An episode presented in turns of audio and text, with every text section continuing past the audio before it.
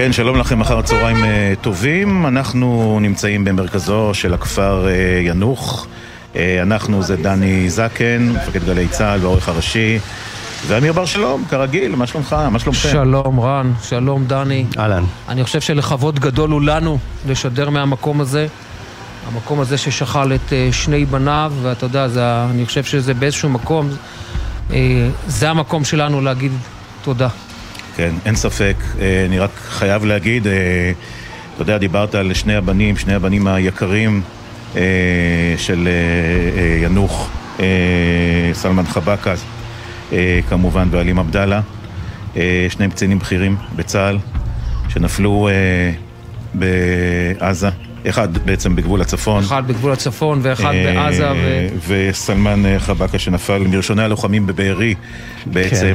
כן, לקח, לקח מג"ד שריון. מג"ד שריון, לקח טנק בעצמו, ביוזמתו, נלחם בחירוף נפש. על הזחלים הגיע מצאלים לשם לבארי. כן. ממש על הזחלים. אתה יודע, אם אפשר רק להגיד משהו על, ה, על, ה, על החיבוק שאנחנו מקבלים. מטורף, זה לא יאמן. באנו לחבק ואנחנו מחובקים, וזה כל דבר... כל הזמן. זה, זה, זה מרומם את הנפש, ואנשים פה עוצרים, אנחנו משדרים ממרכז ינוח. מקום ואנ... פתוח, מרפסת כזו. לגמרי, ואנשים עוצרים ואומרים תודה, אז... לא, כל מכונית שעוצרת מביאה איזשהו... מלעיטים אותנו כן. פה, כן. ממתקים ואוכל, ואתה פשוט... אז אה... לפני כן, ואנחנו נגיד את זה עוד הרבה בשידור, אז אל תגידו לנו תודה, אנחנו אומרים לכם תודה. בהחלט, בהחלט, בהחלט. כמובן גם משפחת אה, פראג' אה, שאירחה אותנו.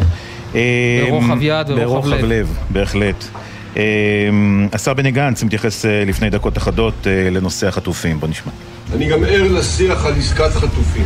זה שיח מלא תעמולה שקרית. המאמץ להשבת החטופים מתקיים כל הזמן במגוון דרכים וצירים, גם ברגעים אלו. יש רק גורם קובע אחד שטובת ישראל לנגד עיניו, וזה מדינת ישראל.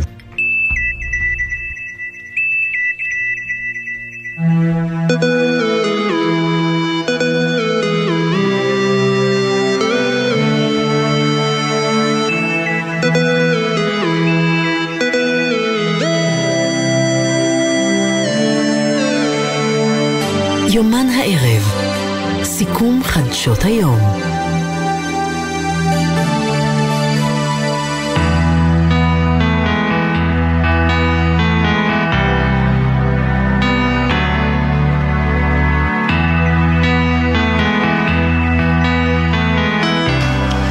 כן, אז אנחנו uh, כאן uh, במרכז uh, הכפר uh, ינוח.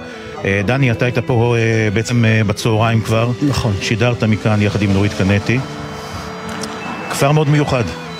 מאוד, קודם כל במקום יפהפה בגליל המערבי, מקום, אזור אה, משגע, גם מזג אוויר נפלא בכעת, וגם אנשים אה, מקסימים, ובעיקר, דיברנו פה גם עם המשפחה שאירחה אותנו והכל. אה, הקטע הזה של הסוגיה של החברה הדרוזית, העדה הדרוזית בתוך מדינת ישראל mm-hmm. עולה וביתר שאת, וזה מרגיז אותי שזה עולה רק כשיש קורבנות, אבל אולי הפעם, אולי הפעם יזוז בהקשר הזה של ה... אמ, איך שהמדינה צריכה להתייחס לעדה הזו ואיך צריך לקבע את מעמדם כשווי זכויות מלאים, מלאים, מלאים. בהחלט אה, עדה שבאמת אה, אחים שלנו, אחים שלנו, שנותנים למדינה כל כך הרבה. ופתאום שצריך משהו קטן, באמת, צריך משהו קטן, המדינה פתאום מסובבת לפעמים את הגב. אנחנו נגיד את זה כאן ואני אחזור על זה במהלך השידור. שני דברים אני רוצה לומר בעניין של העדה הדרוזית. אני חושב שאנחנו צריכים להפסיק לדבר על שותפות גורל. אני חושב שאנחנו צריכים להתחיל לדבר על ברית דם. כי ברית דם זה... אה, זה דבר שהרבה יותר מחייב מתי אותנו. מתי זה השתנה? אתה יודע, כי אני זוכר שפעם זה, זה, היה, זה היה המינוח בעצם. נכון. ברית דם. הברית היא ברית דם, ומדינת ישראל חייבת בעניין הזה, אה, הייתי אומר, לכרות מחדש את אותה ברית עם, ה, אה, עם, העדה, עם העדה הדרוזית, וכל שכן, כשאנחנו נמצאים פה, ואני מציע באמת לכל מי שלא מכיר את הסיפור של שני הקצינים האלה, לשמוע מה הם עשו, ושוב, אני אומר, אתה יודע, אה, רן, אנחנו היינו כאן והסתובבנו כאן ב... במהלך, אה, במהלך היום. קרוב לגבול. קרוב לגבול. אין, אין פה בית שאין חייל. כן, ממש ככה. בדרך כלל. נכון, היינו כן. בחורפיש, התנועה שם פשוט, אה, זה תנועה של, אתה יודע, הם באים שנייה, חוזרים שנייה הביתה. חצי בסיס צבאי. ממש. ואגב, האנשים, דיברנו פה ב, ב, באמת ביומן הצהריים עם אחת מהמתנדבות שפעלו לגייס לטובת אה, חיילי צה"ל, והיא אמרה שהרוב המכריע, כ-80% מהנשים, מהצעירות, מתגייסות לשירות לאומי, עושות שירות לאומי. הרבה יותר מכל אה, חברה אחרת בישראל. כן, זה בטוח. אה, טוב, אה, דברים גם קורים אה, בינתיים בגזרות השונות, מאילת עד הצפון, כמובן גם בשטחים, ג'נין, כתבנו לענייני צבא וביטחון דורון קדוש. שלום דורון, סכם לנו ככה את אירועי היום עד עכשיו. שלום, שלום לכם. כן, אז בואו נתחיל קודם כל מהאירוע הבולט ביותר של השעות האחרונות שקרה לפני שעתיים בעיר אילת. כלי טיס בלתי מאויש, לא מזוהה, אנחנו לא יודעים עדיין מה מקורו, אה, פגע במבנה, מבנה של בית ספר בתוך שטח העיר אילת. כלי הטיס הבלתי מאויש הזה לא הפעיל התראה, ככל הנראה מה שמסתמן כרגע הוא לא זוהה במערכות, במכ"מים של צה"ל, ולכן לא הייתה יכולת גם או דרך להפעיל התראה לתושבים. לתושבים באילת על חדירת כלי טיס עוין, וכך אה, להנחות אותם להיכנס למרחבים המוגנים. רק במזל גדול מאוד, בית הספר שבו אה, פגע אותו כלי טיס, לא היו בו הרבה אנשים באותו זמן. מי שכן היו בו הם תלמידי חינוך מיוחד ששהו במקלט, כנראה כי זה היה כבר אחרי שעות הלימודים, ותלמידי החינוך המיוחד שנותרו ללמוד שם למדו ממילא בממ"ד שם של בית הספר, ולכן לא היו נפגעים כתוצאה מפגיעת הכטב"ם. כן אנחנו יכולים לדווח על פצוע אחד באורח קל. קל משאיפת עשן. ועל עוד חמישה נפגעי חרדה. כרגע צה"ל מתחקר מאיפה הגיע אותו כטב"ם, מה מקורו, מה זהותו. יש כמובן את השברים שלו שנמצאים עדיין בזירה, וחוקרים את העניין הזה, אירוע מלפני שעתיים. נעדכן אה, על... אה, דורון, בסרטון, כן. יש סרטון שיצא ששומעים... שומעים שזה כטב"ם, שומעים את המנוע של הכטב"ם. נכון, שומעים את הזמזום המוכר של הכטב"ם. אבל בטוח שזה כטב"ם. לגמרי, אז אין ספק כבר שמדובר על כטב"ם, הדבר הזה אה, אה, מאושר ואפשר יהיה לומר אותו. כן אה, נגיד שאנחנו לא יודעים עדיין מה מקורו, מאחר שהוא התפוצץ באילת, אפשר רק להעריך בזהירות שכנראה מקורו מאזור הים האדום, אולי מאזור תימן. אנחנו כן יודעים שכשמל"טים טסים בגובה נמוך, אז הרבה יותר קשה לגלות ולאתר אותם במכ"מים, ולכן יכול להיות שזו הדרך שננקטה. כמובן יצטרכו לתחקר בצה"ל את העניין הזה, איך יכול להיות שהוא לא זוהה ולא הצליחו לגלות אותו במכ"מים האוויריים. הדבר הזה עוד יתברר ואנחנו עוד uh, בוודאי נדבר על כך במעלה הדרך. נעדכן על מה. כן. שקורה בתוך uh, רצועת עזה. Uh, ברצועת עזה אירועים משמעותיים מאוד בימים האחרונים. כשאמרנו במהלך הימים האחרונים שצה"ל פועל בתוך מרכז ולב העיר עזה, אבל לא יכולנו לפרט עד כמה, אז הנה פרטים שמפרסם דובר צה"ל במהלך השעה האחרונה. לוחמי אוגדה 162, למעשה חטיבת גבעתי וחטיבה 401, הגיעו הכי קרוב שיש לבית החולים שיפא, שנמצא בלב עזה. והם פועלים בימים האחרונים ברובע הביטחוני של חמאס. הרובע הביטחוני זה ממש המרכז של הפעילות הביטחונית והמודיעינית של חמאס. שם חמאס פועל מתכנן ומתאמן, כולל האימונים שהוא ביצע לקראת מתקפת 7 באוקטובר. ברובע הביטחוני הזה נמצאים גם מטה המודיעין המרכזי של חמאס, גם מטה ההגנה האווירית שלו, משרדים של בכירים בחמאס, משרד הפנים, תחנת המשטרה המרכזית, כל מתקני האימונים ללוחמה בשטח בנוי הכי גדולים ברצועת עזה נמצאים ברובע הביטחוני הזה, והכל כמובן בלב אוכלוסייה אזרחית. בחדר אחד אה, מתקן ייצור אמצעי לחימה, בחדר השני כיתות לימוד. לוחמי גבעתי הגיעו למקום הזה, ראו ולא האמינו.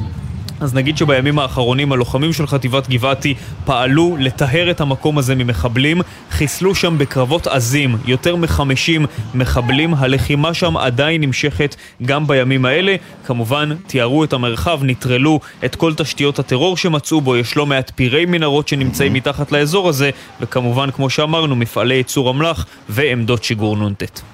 זאת אומרת שאם היו שמועות על כך שאולי יש איזושהי הפסקת אש, משהו דומה אה, צה"ל מעמיק את האחיזה בעצם בתוך העיר עזה. נכון, אני חושב שהדיבורים על הפסקת אש זה משהו שיותר מתנהל בדרגים הגבוהים, ותכף יניר mm-hmm. ידווח ויפרט בעניין הזה, אבל בסופו של דבר כן. זה לא מגיע לדרגים שבשטח. זאת אומרת, מבחינת המפקדים, מפקדי האוגדות, מפקדי החטיבות והגדודים שנמצאים בשטח, הם ממשיכים לפעול בכל הכוח, מתקדמים קדימה לפי התוכנית, כרגע אין שום עצירה.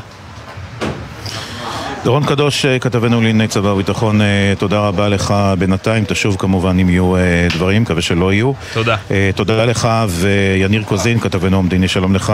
שלום לכם. אז בני גנץ, השר בני גנץ אומר, גם אני ער לשיח הזה על עסקת חטופים, הוא אומר שיח מלא תעמולה שקרית והמאמץ במקביל מתקיים בעצם כל הזמן. כן, תראה, מבחינה הזאת זו אמירה שהיא לא אומרת לנו הרבה, אבל בואו נדבר על דברים שאולי כן קורים, לפחות על פי דיווחים במקומות אחרים, ברויטרס למשל, מספרים uh, היום אחר הצהריים שראש המוסד עדי ברנע וראש ה-CIA, וויליאם ברנס, נפגשו, אם לא אחר מאשר ראש ממשלת קטר, בדוחה. והסיפור הוא כמובן עסקה לשחרור חטופים בשילוב עם הפוגה הומניטרית בלחימה ברצועת עזה, כך הם אה, מדווחים ברויטרס. בעצם מדברים על כך שזאת הייתה פגישה ראשונה תוך כדי תנועה, כלומר תוך כדי המלחמה של השלושה האלה, אלה בעצם אה, שלוש הצלעות החשובות, ארה"ב, קטר וישראל, בניסיון להגיע, כמובן קטר היא מייצגת את חמאס בשולחן, כדי לנסות להאיץ את התהליך הזה. עם זאת, נגיד, בינתיים הכל ברמת דיווחים. גם שמענו את זה מדורון, שומעים את זה מבני גנץ, כמו שאמרת קודם.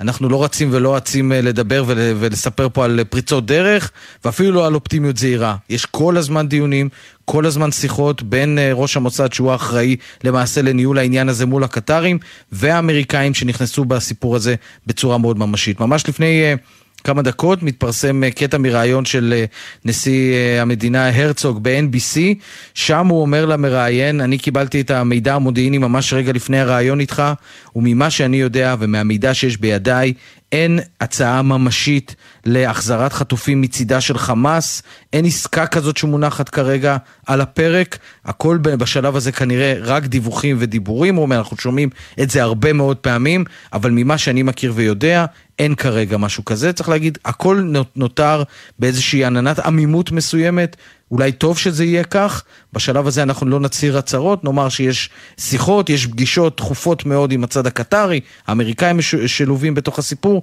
אבל לגבי עסקה את זה אנחנו נדע כמובן רק כשהיא תצא לפועל.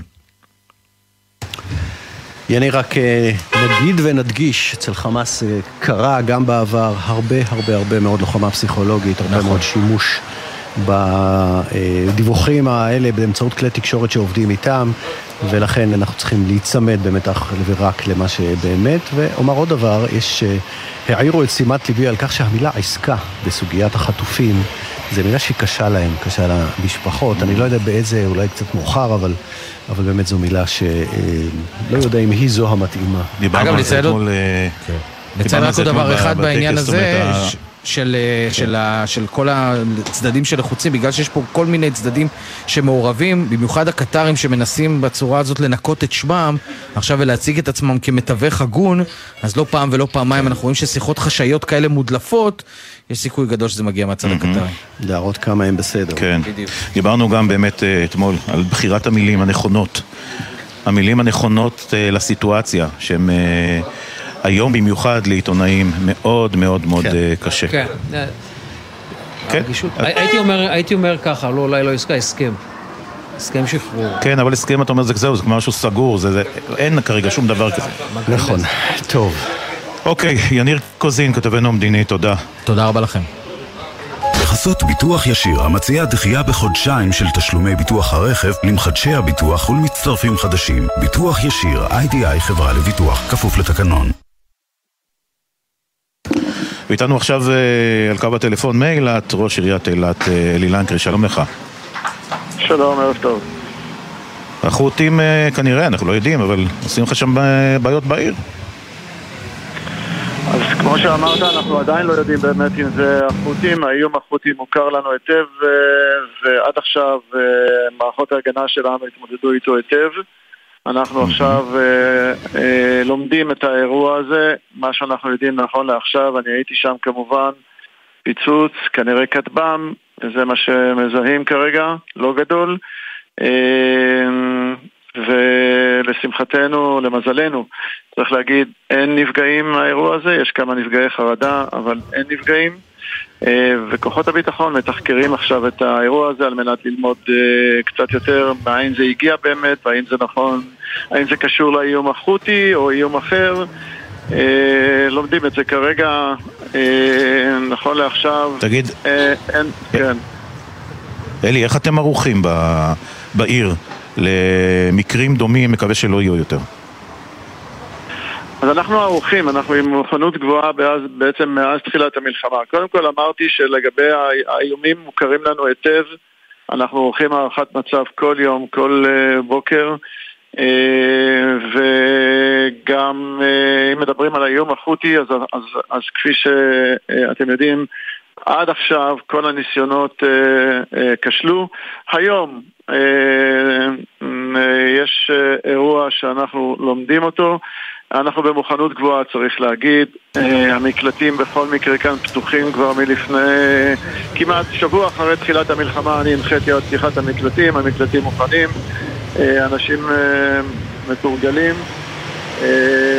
ואנחנו אנחנו, אנחנו במוכנות גבוהה, צריך להגיד. אתה, אגב, אתה היית גם, אמרת שהיית במקום כבר, ראש העיר לנקרי? הגעת למקום עצמו? בוודאי, כן, כן, בוודאי, בוודאי, הייתי במקום. ראית. ראית את השרידים של המל"ט? אתה יכול להתרשם, הוא גדול, הוא קטן, הוא... הוא לא גדול, הוא לא גדול במיוחד. אה, כן, ראיתי את השרידים, זה לא גדול במיוחד, אבל אני מציע שאת כל הפרטים האלה, אתה יודע, אנחנו נמסור כאשר... אה, וגם רצוי שמי שימסור את הפרטים הללו זה אה, כוחות הביטחון. שמתחקרים את האירוע. הפכתם להיות מעיר מקלט. לעיר שגם היא סופגת, גם היא בקו האש. תראה, זה אירוע ראשון, אירוע, אה, לא אירוע, לא איום ראשון, כן? ולא... אה, נכון. אה, ולא אה, אה, איום שאנחנו לא מכירים. אבל כמו שאמרתי, מערכות ההגנה אגב, שסביב העיר זה מערכות הגנה שמאוד תוגברו. אה, יודעות להתמודד עם האיום הזה והאיומים שאנחנו אה, מכירים. מה קרה עכשיו? אני לא יודע להגיד, תשמע, אה, זה, אתה שואל אם זה מדאיג? התשובה היא כן, זה מדאיג שאנחנו לא הושמעה, לא התקבלה התראה, לא הייתה שום התראה וגם לא הושמעה אזעקה. אני יודע שבוחנים את זה עכשיו כדי ללמוד למה זה קרה. אה, וכשנדע אנחנו כמובן אה, נעדכן, אבל כרגע אין לנו מידע אה, מעבר לזה. הרבה מזל, נכון לעכשיו, ואני מקווה שאירוע כזה לא יקרה שוב. זה, זה מה שאני יכול כן, לומר בשלב זה מבחינה, כן. גם אנחנו, בעיר שלך יש עוד 40 אלף ישראלים בערך. אה, שהגיעו לעיר, אתה קצת מסתובב, כן, שומע אותם? כן. בוודאי, בוודאי. אני, אה, אני יש יותר. אנחנו אה, בשיא גם אירחנו כאן קרוב ל-70 אלף, אבל לרוב זה היה סביב 60 אלף, זה נכון שמספרם קטן עכשיו. אתה משוחח איתם קצת? אתה אני משוחח איתם הרבה.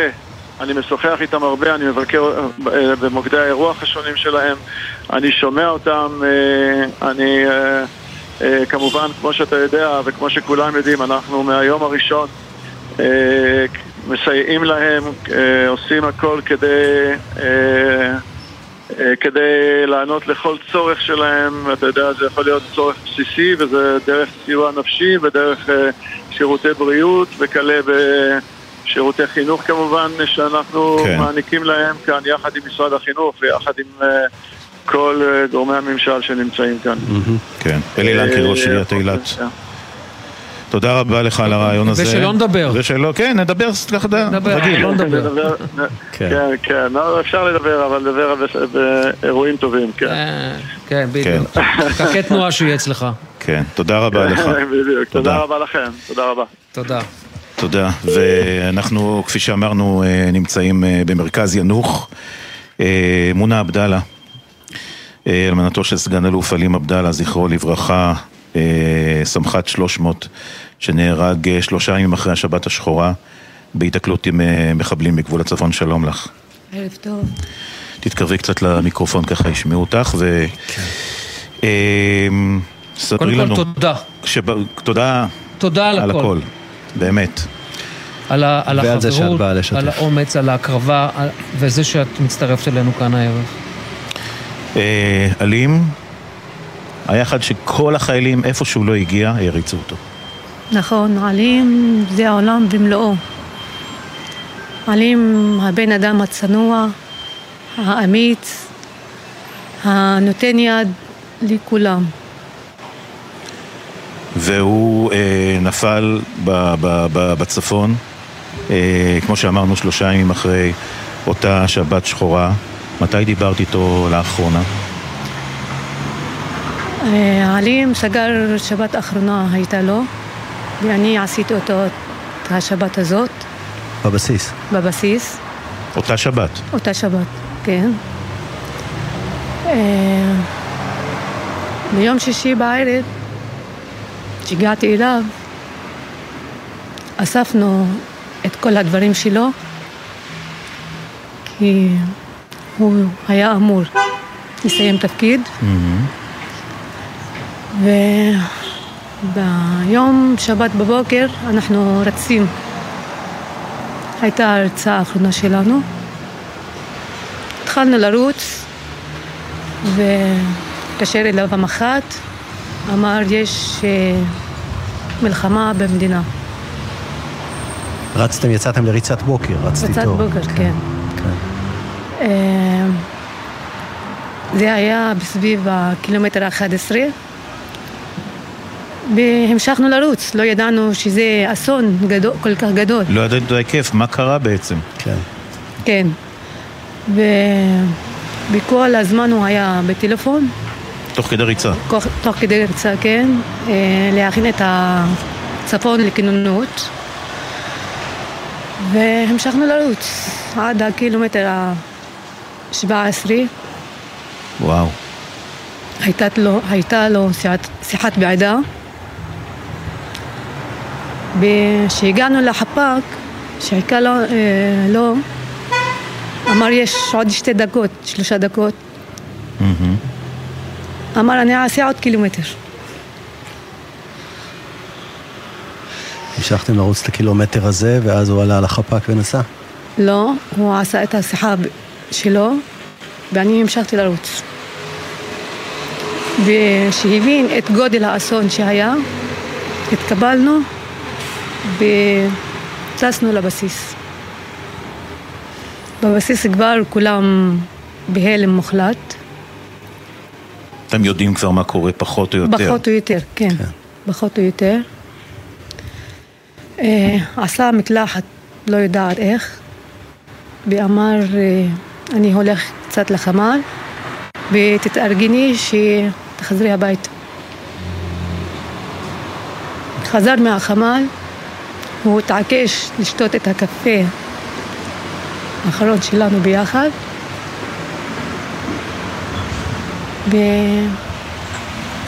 וחזרתי הביתה, ומי שהחזיר אותי הביתה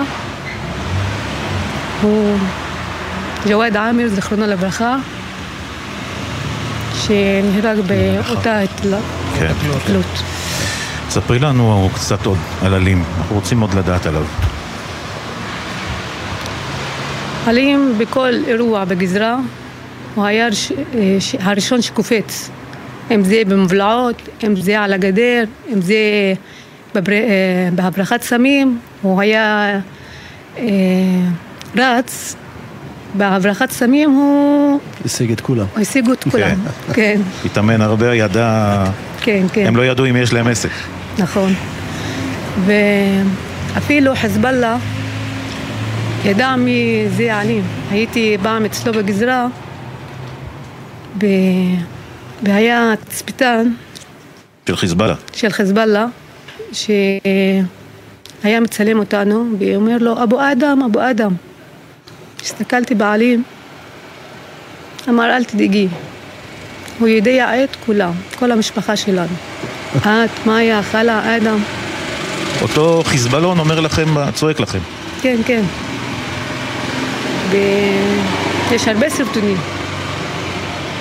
הוא היה כל הזמן על הקו הכחול,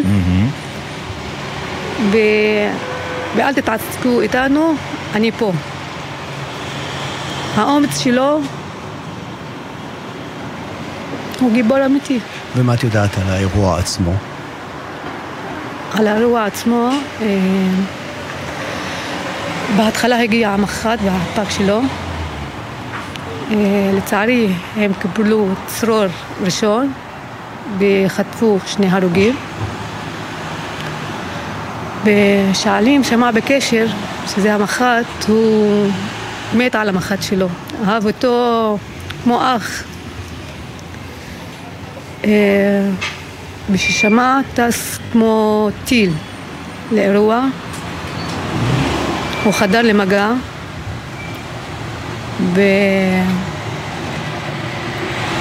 ופרק את הנשק ו...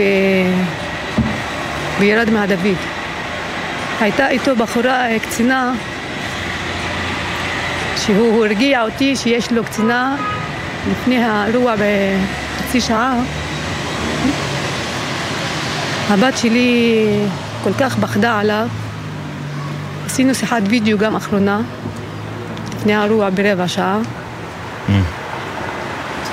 והוא הרגיע את הילדה ואמר לה, אני שומר עליכם ועל כל תושבי הצפון. אני אל רוצ- תדאגי. אני רוצה שנשמע רגע את הקול שלו, דברים שהוא אמר. תכף נשמע את זה מהאולפן ב... יש אה, יפו. משפט בשיר של הגדוד, הוא אומר, כל אחד שנופל, נולד תינוק במקומו. וזה מה שיחזק את הגדוד. אנחנו נמצאים בחדר ההנצחה של חטיבה 300, ומה שמאפיין את הקיר אה, שמאחוריי, בעצם הוא מסמל את ארץ ישראל היפה. את יודעת, הוא, הוא, הוא, הוא מסמל את ארץ ישראל היפה. אני רואה שזה מאוד קשה לך, אה, מטבע הדברים, אה, מונה. אה, בתוך האירוע עצמו אנחנו יודעים מהתחקיר שהוא ירד, פרק, כמו שאת אומרת, הסתער, ואז אה, מהמערב בעצם אה, אותם אה, מחבלים ארורים ירו ופגעו גם בו, והחברים בסוף הרגו אותם, את אותם מחבלים. אחר כך, מה קרה, איך אתם שמעתם שיש את האירוע, ידעתם שיש את האירוע, מה היה אחר כך? אחר כך, אני מיום שבת, אנחנו- אנחנו רק אנחנו שתבינו, אנחנו. במרכזו של הכפר, כן. והקולות שאתם שומעים. כן, קולות של כלי רכב, הנה. אפילו אוטובוס שתכף יעבור ויעשה קצת רעש. כן. בבקשה, מונה. אנחנו מיום שבת לא ישנו, אני והבנות. נרדמתי אחרי השיחה, נרדמתי לחמש דקות. והטלוויזיה דלוקה. אמרו שיש... אה, רגע, רגע, רגע, בואו נעצור רגע. כן, הנה. אנחנו נעצור מונה, ו- את- יש כאן מים קצת, רוצה בבקשה. כן. כן. כן, איזשהו ג'יפ שעבר. כן. מי שמצטרף אלינו עכשיו, נמצאת איתנו כאן בעמדה, מונה עבדאללה, אלמנתו של סגן אלוף עלים עבדאללה, זיכרונו לברכה, שנפל ביום השלישי ללחימה כאן, לא רחוק מגבול הצפון. כן, אנחנו בכפר של... אנחנו בכפר כרגע של אה, בכפר ינוח, עלים. ביתו של עלים. ודיברתם איתו, כמו שאמרת, בשיחת ועידה הזו לפני. ו... אה, נרדמתי לחמש דקות, והטלוויזיה דלוקה. יש אירוע חדירת מחבלים בצפון. אז ידעתי שזה עלי. ישר ידעת. ישר? ידעתי, אין לי ספק, כי הוא תמיד קופץ ראשון. ידעתי שזה עלי. ומתי הודיעו לך? אה, חבר שלנו התקשר אליי וסיפר לי שאני לא רוצה לדעת, שתדעי מאחרים. עלים נפצע, אבל הוא בסדר. ומה את אומרת לעצמך באותו רגע? בלב. התחלתי, התחלתי לצעוק, מה אני אומרת לעצמי. זאת אומרת, את ידעת, הרגשת, את ידעת מראש מה... את ידעת, בקיצור. אני ידעתי, כן, אני ידעתי.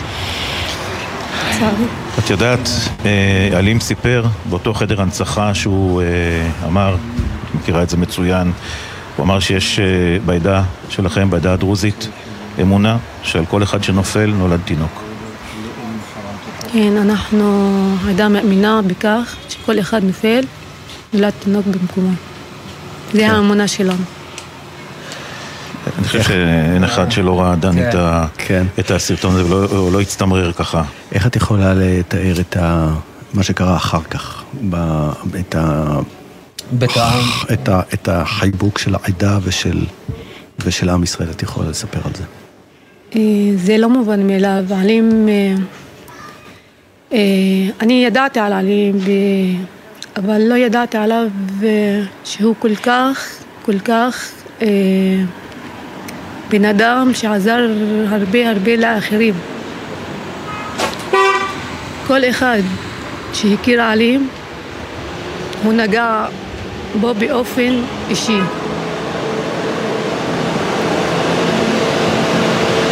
אני עד היום לא, לא מאמינה, אני אגיד לך.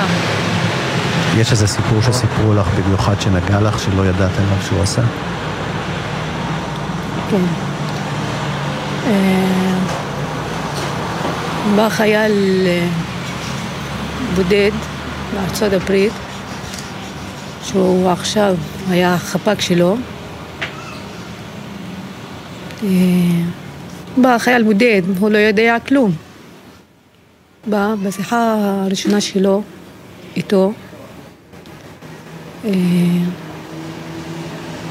השאלה הראשונה ששאל אותו מתי ראית את ההורים שלך לאחרונה? Mm. אז הוא אמר, חצי שנה, שנה, לא יודעת בדיוק. ביום השני כבר ארגן לו טיסה והטיס אותו. וואי. מונה, את יודעת, את איתנו כאן וככה חולקת איתנו מעט מהכאב. ואני אני רוצה לשאול אותך, יש משהו שאנחנו יכולים לעשות? אנחנו, במובן של הציבור הישראלי. מה, אולי סוג של מה שעלים היה רוצה שיעשה. בהתחלה. שידעו עם ישראל והממשלה במיוחד מי זאת העדה הדרוזית שמקריבה לא מעט אנשים והקריבה לא מעט אנשים למען המדינה שלנו. אנחנו מדינה אחת, אין לנו ארץ אחרת. אנחנו אחים בדם, כפי שאומרים כולם. אני מקווה מהממשלה, כמו, כמו שאמרתי לנשיא המדינה, שבא וניחם, שישנה, לא יתקן את חוק הלאום. כן. חוק הלאום וחוק קמיניץ. יש לנו תחושה, אני חושב, אני מדבר בשם כולנו, שהדבר הזה ישתנה. אנחנו מאוד מקווים. אנחנו מאוד מקווים, כן, בהחלט. אבל מקווה שיהיה... לא עוד, אנחנו לא, לא יודעים מתי מסתיימת המלחמה, נכון. אף אחד לא יודע. נכון. אה, חייבים לשנות את זה מיידית. וירים את אה, כל החיילים, בעיקר החיילים הדרוזים. זה ירים אותם עוד יותר, וייתנו עוד יותר. ירגישו שהם באמת באמת שייכים. שייכים, נכון. ברית דם.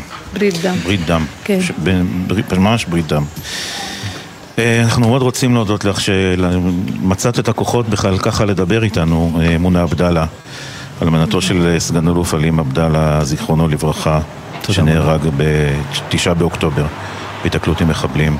תודה רבה לך, שלא תדעי עוד צער. תודה לכם, לילה טוב. תודה רבה. תודה. אנחנו אה, נשמע עדכון כן. חצי. בואו נצא לחצי, אנחנו צריכים. כן. אתם מאזינים לגלי צה"ל. עמיתי קרנות השוטרים, אנו מציעים לכם הנחות לרכישת רכבי פג'ו, אופל, סיטרואן ו-MG דגמי 2023, לפרטים כוכבית 4989, או באתר קרנות השוטרים, שנדע ימים טובים ויחד ננצח. קרנות השוטרים קודם כל בשבילך אוניברסיטת בר אילן הקימה למען הקהל הרחב קו חם לתמיכה רגשית. פסיכולוגים ועובדים סוציאליים כאן בשבילכם. חפשו בגוגל הקו החם בר אילן. במטרה לחזק את הביטחון האישי של האזרחים, המשרד לביטחון לאומי ומשטרת ישראל ממשיכים להקים ברחבי הארץ מאות כיתות כוננות משטרתיות, מצוידות באלפי כלי נשק. בואו להתנדב למשטרה ולשמור על הבית של כולנו. להצטרפות לכיתת הכוננות במקום מגוריכם, פנו לאתר גיוס המתנדבים של משטרת ישראל, או חייגו 076-811-5211. ישראל מתחמשת, שומרים על הבית. את הליך הגיוס מנהלת משטרת ישראל בהתאם לתנאי הסף שנקבעו. מגיש, המשרד לביטחון לאומי. מאחורי השמות, בוקר טוב ישראל חולקת כבוד לנרצחים ולנופלים. תמיד עם חלומות משוגעים, חיוך ממזרי וחולצה להחלפה. וחלמה לעזור לילדים עם מוגבלויות באמצעות תרפיה עם כלבים. מפעל חייו היה הרפת. בכל בוקר נספר משהו קצר, פרט מידע, אירוע או חוויה שישפכו אור על מי שהיו ואינם עוד. בני משפחה וחברים המעוניינים לחלוק עמנו בסיפורים ובתמונות מוזמנים לעשות זאת באמצעות הדואר האלקטרוני זיכרון כרוכי glz.co.il מאחורי השמות, מדי יום ביומן הבוקר של גלי צה"ל עם אפי טריגר. עכשיו בגלי צה"ל, רן יבנאי ואמיר בר שלום. כן, אנחנו נמצאים uh, בכפר uh, ינוק, במרכזו של הכפר, אחרי רעיון מאוד מאוד uh, קשה עם מונה עבדאללה, אלמנתו של סגן אלוף קשה. חשוב. אבל אישה עם כל כך הרבה תעצומות, תשמע, זה... וואו. היה צריך לראות, זה, זה אומנם רדיו, אבל היה צריך לראות אותה. היה צריך לראות את uh, מונה ואת ה... איזה אישה מרשימה. כן. כן. גדי ירקוני, ראש מועצת אשכול איתנו עכשיו על הטלפון, על קו הטלפון. גדי, שלום. שלום, ערב טוב. ואתה, אתם בעצם לקראת פגישה עם נתניהו, עם ראש הממשלה נתניהו אה, מחר, אחרי שראש הממשלה נפגש, אה, נדמה לי אתמול, עם ראשי המועצות אה, ביהודה ושומרון. כן, אני חושב ש... אני תכף אתייחס לזה, אבל עכשיו אני הגעתי לצעדה בים המלח, ששם צעדו התושבים שלנו ושל אחרים.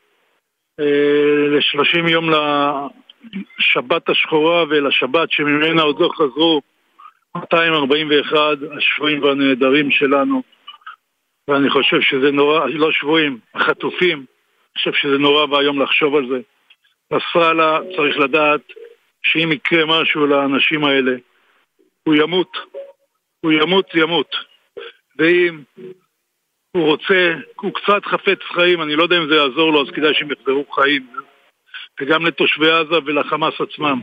שחררו אותו, אותם, אתם אחראים אליהם, אל תגידו לא ידענו. ולעניינכם... החיים עצמם. לא, לא, גדי, הכל בסדר. הקריאה הכי נכונה בעולם, אה, אני לא יודע כמה תושבי עזה יש שם בעסק, אה, זה, אבל בוודאי למנהיגי הארגון הרצחני כן, אבל גם הוא בן מוות, זה בסדר. לגמרי. נכון, סליחה, כן, אתם צודקים גם. ואני עכשיו פה, אנחנו הולכים לטקס אה, שמרשים לראות אותו, עצוב לראות אותו, אבל זה עוד פעם טקס שאנחנו צריכים לעבור, ואני מקווה שהם יחזרו הביתה, נמשיך עם הטקסים רק של הנרצחים והחיילים והרבש"צים וכיתות הכוננות שנפלו. ולעניינכם, אני, אני חייב להגיד לכם, כן. אה, ראש הממשלה הזמין אותנו, אמנם כנראה הוא הזמין אותנו אחרי, אבל אני חושב שזה לא הזמן לעשות חשבון. זה לא הזמן לשאול למה. זה הזמן לבוא מחר לראש הממשלה ולשאול אותו מה יקרה, איך יהיה, מה אתה עושה בשביל שהתושבים שלנו, אלה שנשארו מהתופת הזאת, יוכלו לחזור לאשכול ולגדל שם את הילדים שלהם בביטחון שאני האמנתי לך, האמנתי לצה"ל שיש לנו ביטחון אמרתי לתושבים שלנו, וזה הדבר הקשה ביותר ששאלו אותי יום יום מהו, האם יש ביטחון? אמרתי להם, אני סומך על האנשים האלה הם נותנים לנו ביטחון וראינו בצער רב, אני אומר, מה קרה לנו בשביעי לאוקטובר, וזה מה שאני רוצה שראש הממשלה עכשיו יתעסק. אז, אז בוא נחלק את זה באמת לשניים. אחד זה מרכיב הביטחון, גדי, שבאמת אה, אה, הכשל היה אדיר, וכמובן נצטרך להיחקר ולהיבדק, אבל מה אתם רוצים לראות אחרי הדבר הזה, במובן הביטחוני קודם כל? אני רוצה לראות, ואני פעם האמנתי שאני יכול לגור זה ליד זה, אתם זוכרים איך הייתי מדבר? נכון, התמימות. היום אני משוכנע שאני לא יכול לגור ליד החילות האלה, הם לא יכולים לגור לידי, לא אני לא לידם. וראש הממשלה והממשלה כולה וצה"ל, שאני עדיין סומך עליו, זה הצה"ל היחיד שיש לי, הצבא היחיד שמגן עלינו, שיעשה עכשיו את העבודה. וראש הממשלה צריך לדאוג, יחד עם כל הקבינט שלו, שמה שהם יעשו בעזה, אחר כך הילדים שלנו יוכלו לחזור, זה לחיות בשקט ולא לפחד להיות בה עד הגדר של רצועת עזה, לא של היישובים. אני אומר את זה, אמנם יהיה לנו ממ"דים, אבל הממ"דים צריכים להיות נקישות או חדר נוסף בבית. לא חדר שאני נכנס אליו, שיש אזעקות פעם בחודש, פעם בשנה, אלא שאם זה יהיה המצב, יהיה קשה לתושבים שלנו. קשה לילדים שלנו, עזבו אותי, אני דור אבוד. הילדים שלי, שהולכים לגדל את הילדים שלהם שם, של כולנו, הם לא יבואו. וזאת הזעקה שלי עכשיו לממשלת ישראל ולצבא הגנה ישראל. תגמרו את גדי, העבודה. כל הדיבורים, כל הדיבורים על אה, איזושהי הפסקת אש של שעתיים, של ארבע, של שלושה ימים, אתם שומעים אותה. מה אתה אומר על הדבר הזה? בלי שום תמורה כמובן. לא, ברור, זה נושא טקטי, זה לא נושא אסטרטגי. לא אכפת, אם, אני לא רוצה להחליף את ראש הממשלה בהחלטות, אם כן לתת, א', אם זה הומני, אני לא צריך להיות הומני אליהם, שיהיה חד וחלק. הם לא יהיו הומנים אולי זה כלפינו, יביא אבל ל- אם ראש להתחלה של שחרור, כן. או, או, אני מוכן לעשות הכל, והכל, בשביל שהחטופים יחזרו הביתה והנעדרים. עכשיו, אני לא בחדרים הסגורים, אני מנהיג של, תוש... של אה, קהילה, אני לא מנהיג של מדינה, אה, ואני לא יודע כל מה שהם יודעים שם. ואם זה צריך בשביל שיחזירו את החטופים והנעדרים והחיילים גם מהמלחמות הקודמות שחסרים לנו, אז אני בעד. ואם לא, אז לא. אז צריך בכוח להמשיך, וגם אחרי זה להמשיך בכוח על מנת שכל הקהילה הזאת תוכל לחזור לחיות באשכול ובכל עוטף ישראל, ושאם לא יהיה, אתם יודעים מה אני אומר, הגבולות יהיו תל אביב ו- ונתניה, ומדינת ישראל נכשלה במבחן הגדול ביותר שהיה לה אחרי יום, מלחמת יום העצמאות. ואסור לנו להיכשל בזה. כל העולם צריך לראות שאנחנו מסוגלים. גדי שלום, אמיר בר שלום. אה, אתה יודע, אנחנו אתה- אנחנו מדברים על הפסקת אש ומדברים על היום שאחרי. תן לנו רגע איזה תמונת מצב, מה קורה כרגע ב- ב- בעוטף ומה קורה כרגע ב- ביישובי אשכול. אני מבין שהדירות עדיין מנקים את השברים, עדיין מנ... אין, אין התחלה של שיפוץ או משהו כזה לחלוטין, זאת אומרת, עדיין לא מדברים על זה אפילו? אנחנו, אנחנו, ההנהגות מתחילים לדבר, אבל לא עושים את זה עדיין. עדיין אנחנו מלקקים את הפצעים תרתי משמע, וגם בתוך היישובים שלנו. אנחנו עכשיו עדיין בודקים את הנזקים, בודקים מה צריך להרוס, ואני מקווה שבזמן הקרוב ביותר, ומוצאים קצת... אבל אולי זה לא אה, התפקיד שלך, זה לא התפקיד שלך, לא, זה לא התפקיד של אני המדינה, אתה זה צריך יחד- עכשיו אני להשתקם. עושה את זה יחד עם המדינה. אני עושה את זה יחד עם המדינה. המדינה דווקא לזה נכנסה עם שתי ידיים, אולי מאוחר שלושה שבועות, אבל עדיף מאוחר מלא כלום. היום כן. המדינה איתנו בתוך, והם לקחו את הפיקוד על, אה, על לעשות- להחזיר לנו את היישובים. תקשיבו, זה לא פשוט, יש שם... שיש שם דברים אחרונים שנשארו לאנשים בבתים השרופים. אתה אמור לעבור, הדי, התושבים, אלה שנשארו, חזרו וליקטו את הדברים שלהם, לא יכלו לעשות את זה לפני זה.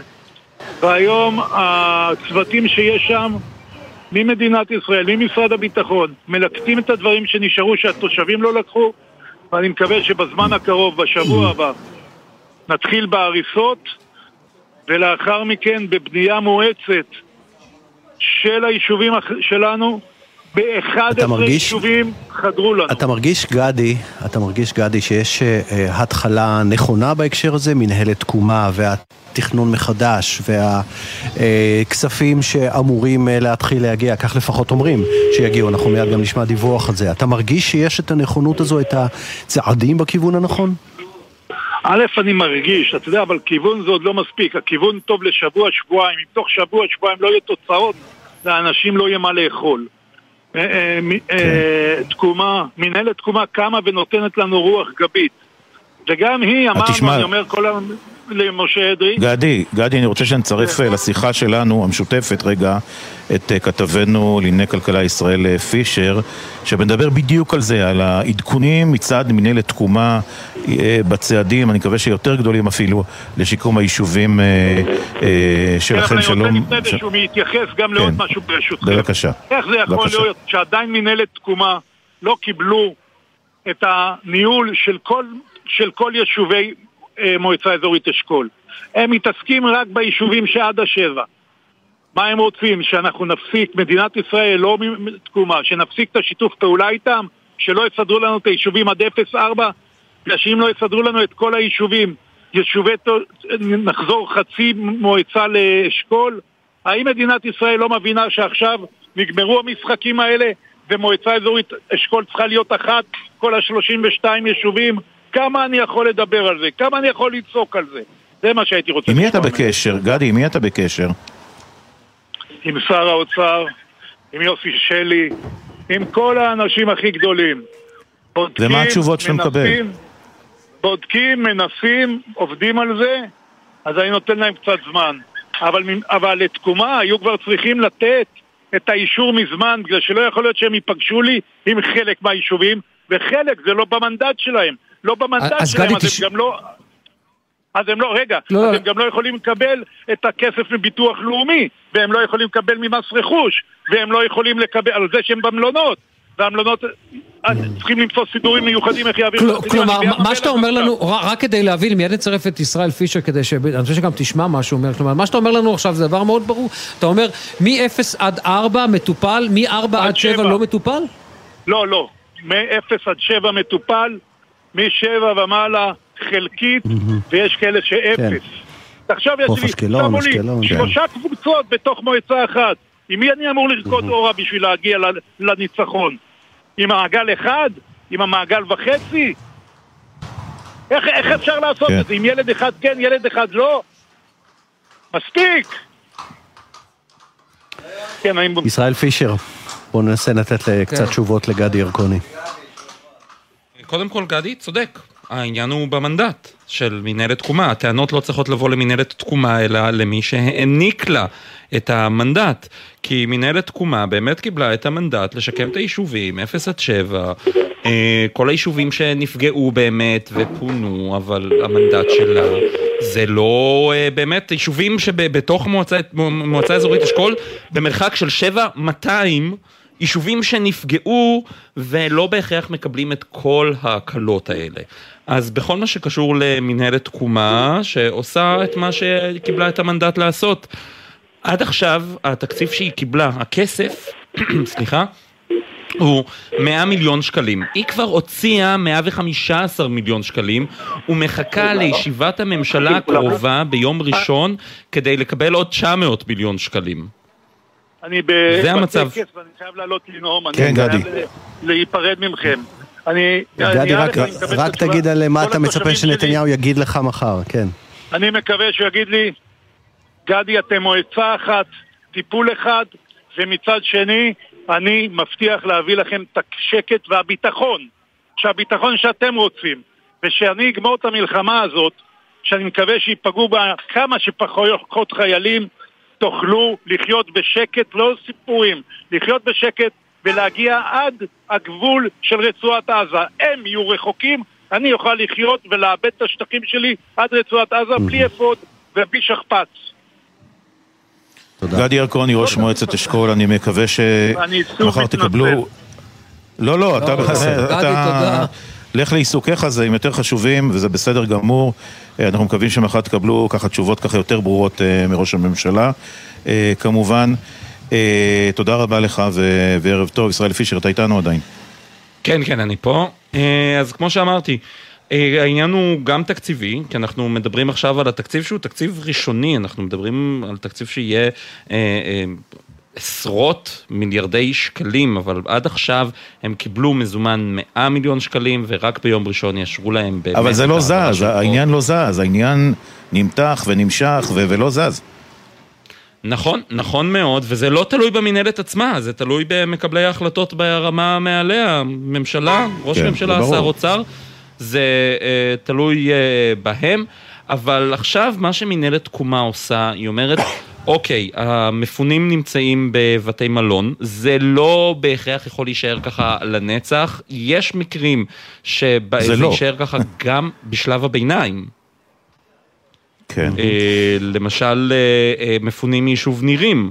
אנשי אה, כן. אה, מנהלת תקומה נפגשו עם אנשי יישוב נירים, או נתיב העשרה, וגם כיסופים, והם אה, החליטו שהם בשלב הזה נשארים במלון, גם בשלב הביניים, עד שהם יחזרו לאותם יישובים שהם נאלצו אה, לעזוב בגלל הפיגועים, בגלל הטבח הנוראי שהיה שם. כן. אז... טוב. כן. אנחנו נרוץ, כי יש איזו הודעה של הבית ישראל, כן, הלבן. אנחנו עוצרים אותך כי יש לנו עכשיו את יניר אה, קוזין, כתבנו המדיני על תודה. ישראל. יניר, יש אה, הסכמה על לא הפסקת אש, הפוגה הומניטרית. כן, כך לפחות על, אה, על פי הבית הלבן, הם אומרים שישראל תתחיל להפעיל, הסכימה להפעיל החל מעכשיו, הפוגה בלחימה של ארבע שעות בכל יום בצפון עזה. ישראל הבטיחה שלא תפעל באזורים אלו במהלך הפוגה, כך אומר קירבי, הוא מוסיף. שני מסדרונות הומניטריים יופעלו כדי לאפשר לאזרחים לנוע דרומה. אנחנו מאמינים שזה צעד בכיוון הנכון, אך אנחנו עדיין מודאגים אבל מהאפשרות זה מה שהיה גם שחמאס... עכשיו, אה, אז- יניר. אז הנה, אנחנו בדיוק נגיד את זה. עכשיו. לא, אז יפה. אז- אז כן. ה- זה בדיוק העניין. כי למעשה בישראל מה שמנסים להסביר ואומרים, אה, כמו שאתה אומר דני, אה, זה המצב עכשיו, זה המצב הנוכחי, מדי יום מאפשרים כשלוש-ארבע שעות, לפעמים אפילו יותר, כמו שדורון קדוש דיווח אצלנו, משהו כמו חמש ואפילו לפעמים גם שש שעות. אה, זאת האפשרות, או לפחות הרחבה היא לחמש ושש שעות, אבל מדי יום יש כמעט ארבע שעות של הפוגה במסדרונות ההומניטריים, זה מה שמסבירים לנו אה, גורמים מדיניים בישראל. התגובה הרשמית של לשכת ראש הממשלה היא כזאת, הלחימה נמשכת ולא תהיה הפסקת אש בלי שחרור חטופינו. ישראל מאפשרת מסדרונות מעבר בטוחים מצפון הרצועה לדרומה, כפי שעשו 50 אלף עזתים רק אתמול. אנו קוראים שוב לאוכלוסייה האזרחית בעזה להתפנות.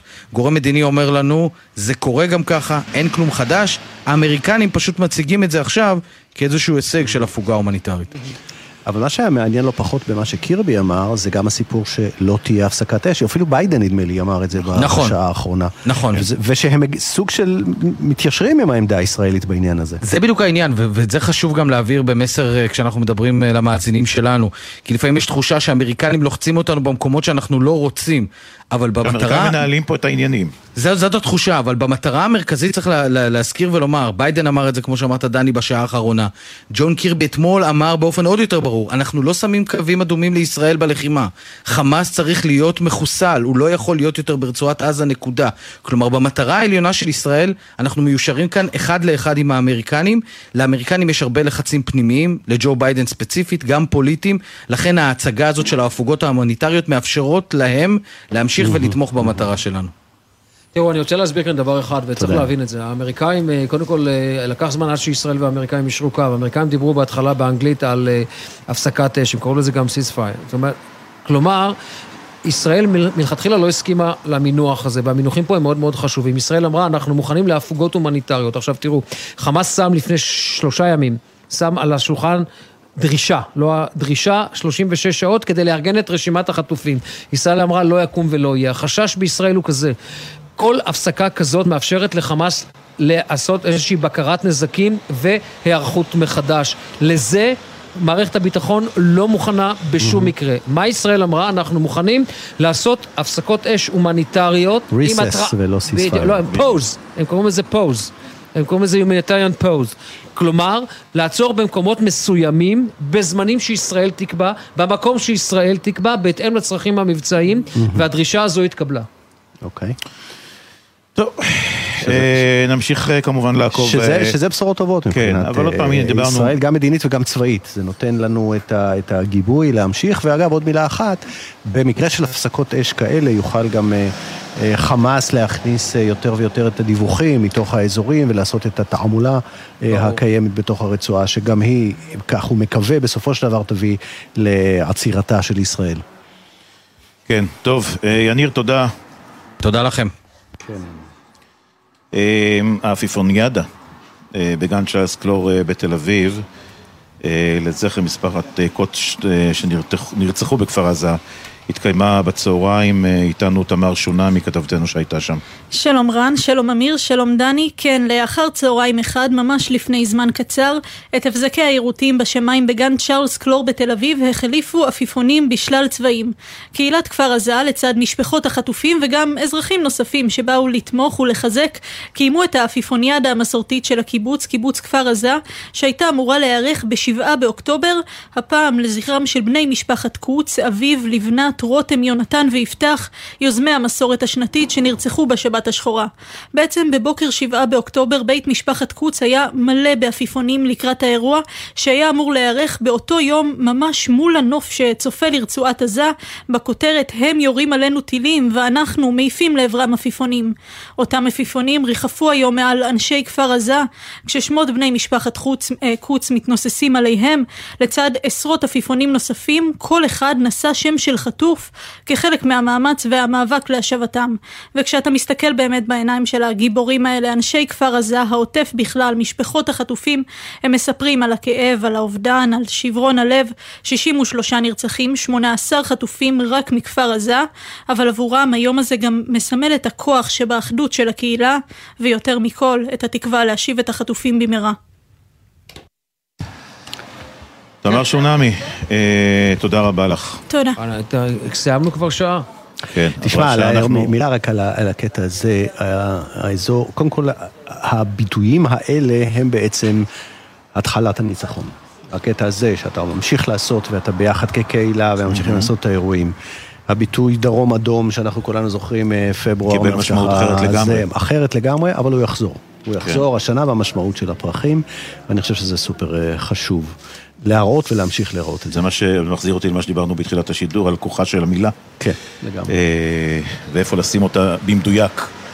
שנהיה מדויקים מאוד. כן. אנחנו נאמר רק למאזינים שלנו, למי שהצטרף אלינו תוך כדי ושומע את ה... שומע ככה את הרעשים שמסביב, אז אנחנו משדרים כאן אה, ממרכזו של כפר ינוח, כפר ששכל אה, שני... קצינים בכירים? קצינים בכירים. וכאן אנחנו, אתה יודע, כאן אה, גלי צה"ל בא לשטח. לשטח. במקומות החשובים. לשמוע, לראות, להשמיע. ולחבק. ולחבק. כמו תמיד, כל יום. אנחנו נחזור בשעה השנייה. כן, אנחנו...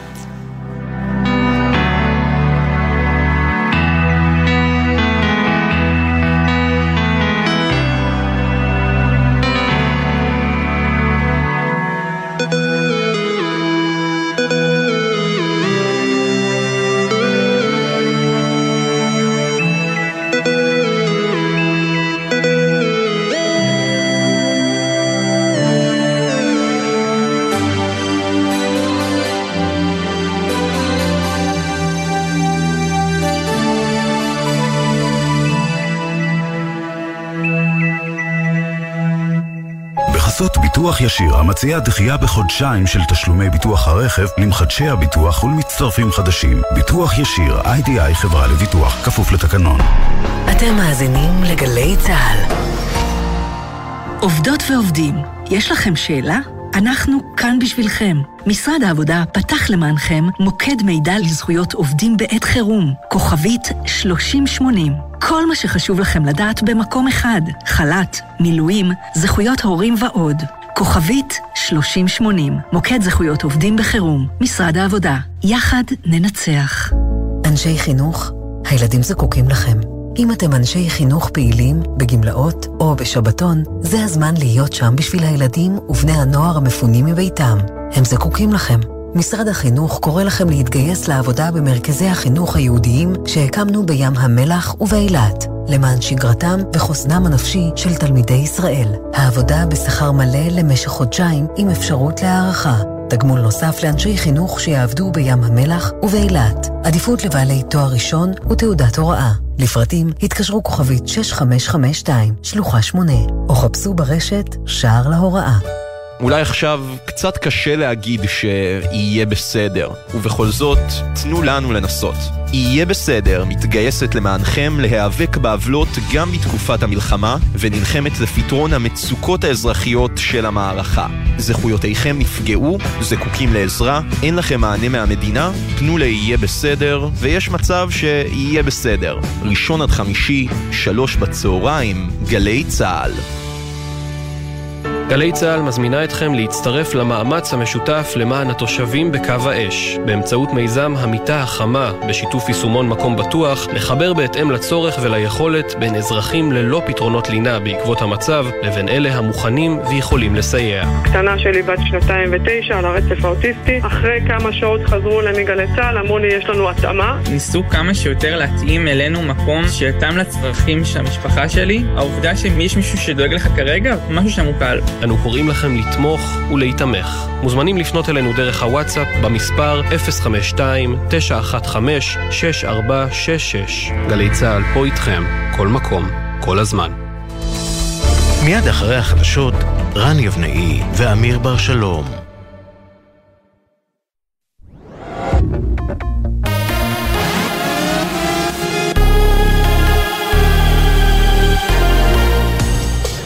גלי צה"ל השעה 6, שלום רב באולפן יונתן מודילבסקי עם מה שקורה עכשיו.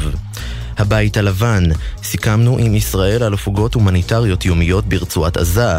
בלשכת ראש הממשלה נתניהו הגיבו, אנחנו מאפשרים מסדרונות מעבר ביטוחים מצפון הרצועה דרומה. עם הפרטים כתבנו המדיני, יניר קוזין.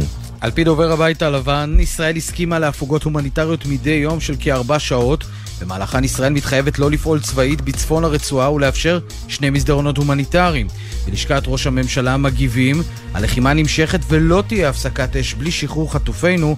ישראל מאפשרת את אותם מסדרונות של מעבר בטוח בצפון הרצועה לדרומה, כפי שעשו 50 אלף עזתים רק אתמול. בנוסף, אומר גורם מדיני לגלי צה"ל, אין חדש, זה קורה ממילא מדי יום, וזו רק הצגת הדברים בצורה חדשה על ידי האמריקנים.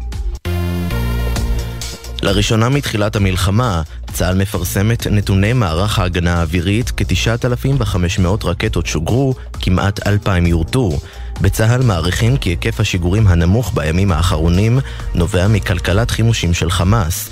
מדווח כתבנו הצבאי, דורון קדוש. מאז תחילת המלחמה שוגרו לעבר ישראל כ-9,500 רקטות, 3,000 מתוכן במכת הפתיחה של חמאס בשעות הראשונות. כ-2,000 רקטות ועוד עשרות כלי טיס יורטו מתחילת המלחמה, עשירית מהשיגורים מתוך אתרים אזרחיים. בצה"ל מעריכים כי היקף השיגורים הנמוך של חמאס בימים האחרונים נובע בעיקר מרצונו לשמור חימושים להמשך הלחימה, אך גם כתוצאה מהתמרון הקרקעי בצפון הרצועה, שפוגע ביכולות השיגור. הציבור. צה"ל מאשר כי מוקדם יותר היום כלי טיס בלתי מאויש פגע בבית ספר בעיר אילת. אין נפגעים באירוע, אך נגרם נזק.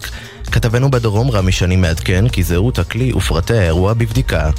אלי לנקרי, ראש העיר אילת, אומר ביומן סיכום השבוע, עדיין לא ברור מהיכן הגיע הכלי. מתחקרים עכשיו את האירוע הזה על מנת ללמוד uh, קצת יותר מאין זה הגיע באמת, והאם זה נכון, האם זה קשור לאיום החות'י או איום אחר. מוכנות גבוהה באז, בעצם מאז תחילת המלחמה. האיומים מוכרים לנו היטב, אנחנו עורכים הערכת מצב כל יום, כל uh, בוקר. ראשי המוסד וה-CIA נפגשו עם ראש ממשלת קטאר על מנת לדון בשחרור החטופים, כך על פי דיווח מדוחה לסוכנות הידיעות רויטרס, בו נטען כי הבכירים דנו בעקרונות עסקה שתדרוש מחמאס השבה של החטופים הישראלים ומישראל הגעה להפסקות אש הומניטריות בעזה. נשיא המדינה הרצוג אמר בריאיון לרשת NBC מוקדם יותר היום, אין בשלב זה הצעה ממשית מצד חמאס לעסקה להחזרת חטופים. השר בני גנץ, חבר קבינט המלחמה, התייחס לדיווחים על עסקה ואמר בביקור בגבול הצפון, המאמץ להשבתם נמשך כל הזמן. אני גם ער לשיח על עסקת חטופים. זה שיח מלא תעמולה שקרית. המאמץ להשבת החטופים מתקיים כל הזמן במגוון דרכים וצירים, גם ברגעים אלו. יש רק גורם קובע אחד שטובת ישראל לנגד עיניו, וזה מדינת ישראל. מדבריו הביא כתבנו בצפון, אדר גיציס. בתוך כך, משלחת בכירה של חמאס מבקרת בשעות אלה בקהיר, בהזמנת ראש המודיעין המצרי גנרל עבאס כאמל. בראש המשלחת ראש הלשכה המדינית אסמאעיל הנייה. ביקורם הוא חלק מסדרה של מגעים נמרצים בדרג גבוה המתנהלים ביממה האחרונה בין הצדדים. כתבנו לענייני ערבים ג'קי חוגי מזכיר כי אתמול היה בקהיר ראש ה-CIA ומחר ימריא לקהיר האמיר של קטאר. מזג האוויר למחר מעונן חלקית ללא שינוי ניכר בטמפרטורות. אלה החדשות שעורכת נועה מיכאלי.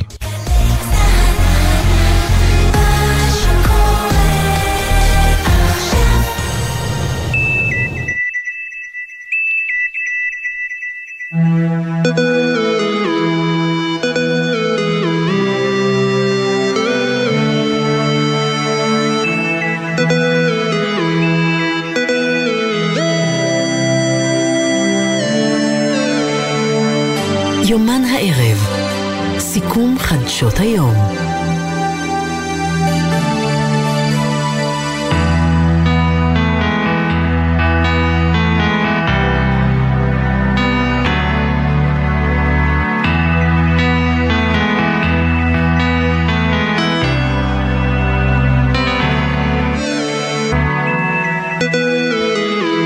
ערב טוב לכם, אה, שעה שנייה, גלי צה"ל אה, במרכזו של הכפר אה, ינוח.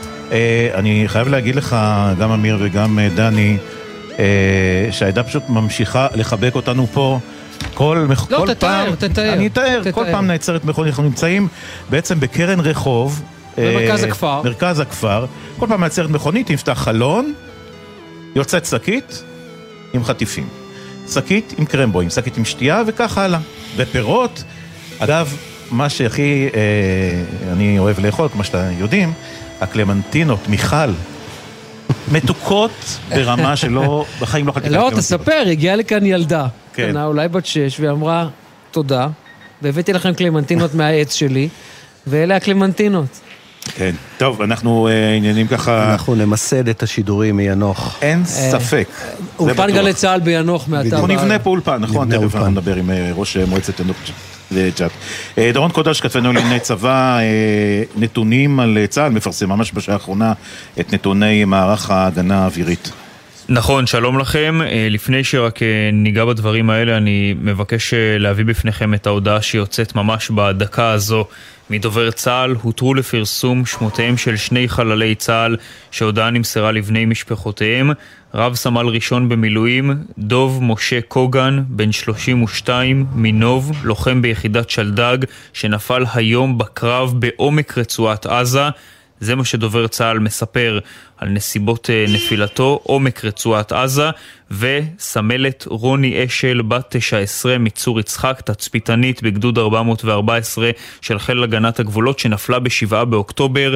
עד לשלב הזה הוגדרה נעדרת, כעת זוהתה, ולכן אה, אה, דובר צה"ל מתיר גם את שמה לפרסום. אז שני חללי צה"ל נוספים שמצטרפים למניין החללים. אוקיי. גם אתמול היה שלדגיסט ש- ששמו פורסם. נכון, כן יונתן בקרב חצור. זיכרונו לברכה. נכון, נכון. כן. כן, אז נביא את הנתונים.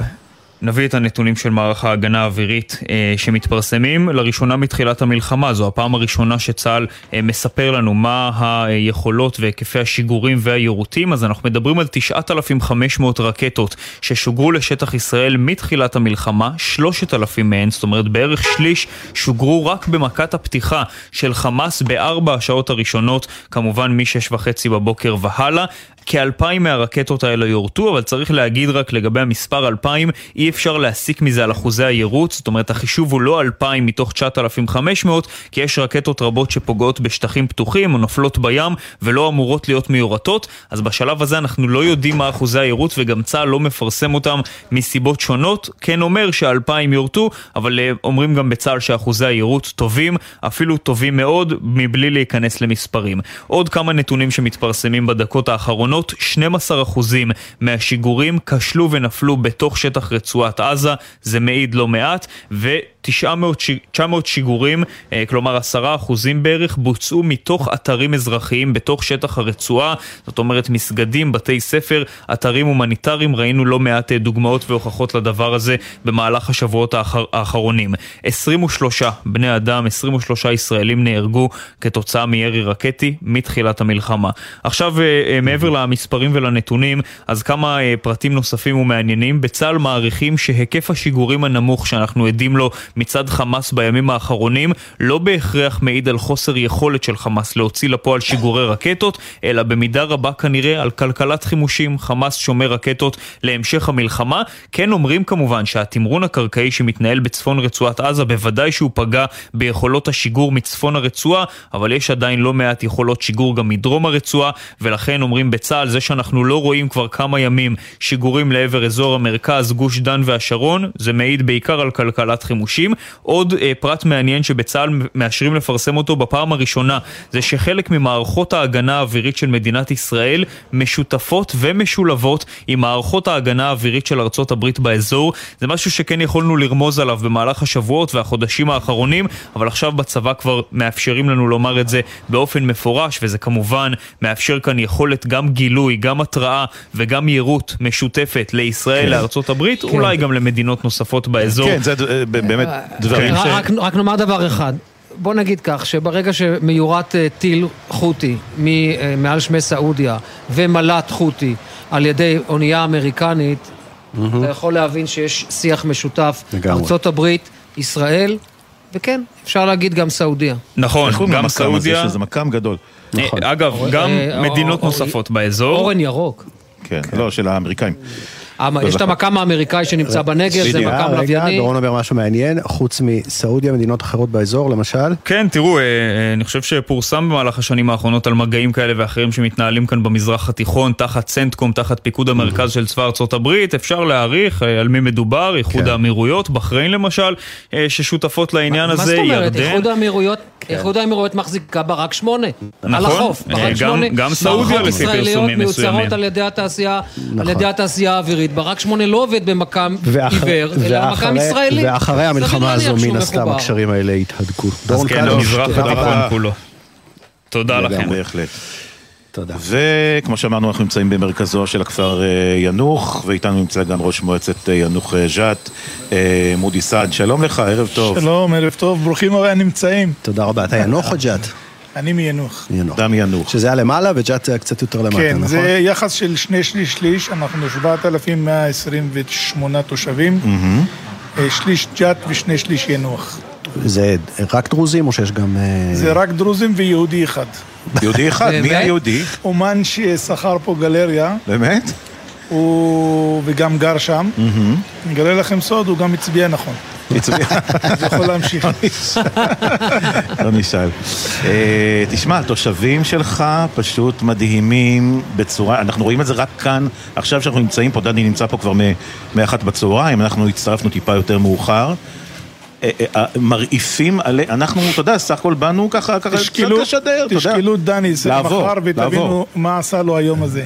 תמצא לנו את המקום הכי טוב בכפר, רוצים לעבור. אני, יש לי. רק- רק תח- רק תחליטו ויש לכם. יש לנו נציג פה, אתה יודע. אבל כן, בואו נדבר רגע. באמת על, המקום של המועצה הזו, ינוח ג'ת, מועצה שבאמת מכילה את האוכלוסייה הדרוזית, ועכשיו, דווקא עכשיו, עולים שוב אה, אה, גם הקולות הביקורתיים על ההתנהלות הממשלתית כלפי העדה הדרוזית, בפרט המועצות אה, הדרוזיות. תשמע, שסובלות ממשבר כלכלי ארוך שנים, זה, זה לא חדש. כן, אז קודם כל אנחנו כינוח, כיישוב, אה, ספגנו שתי מכות מאוד קשות. כן. מאוד מאוד קשות ב- בחודש הזה, בחודש המלחמה. אה, איבדנו את אה, סגן אלוף עלים, סעד בגזרה הצפונית. תראה איזה, לדעתי יש פה איזה אה, סמנטיקה אלוהית.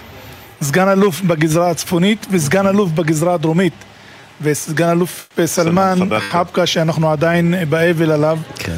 אה, בגזרה הדרומית בעזה, שני גיבורים. אני יכול להגיד לכם אה, מהסיפורים של עלים, עלים מנע מלחמה ופתיחת חזית צפונית חד משמעית למדינת בזה ישראל. שהצליח לעצור את אותה חוליית מחבלים. בוודאי. אם הוא לא היה מצליח לעצור אותם, היו נכנסים לערמשה ולאדמית, אז מה שראינו בעזה, יכולנו לראות פה פי שלוש ופי עשר אפילו ממה שראינו שם, כי אלה חיות אדם. כן. והוא מנע את זה בגופו.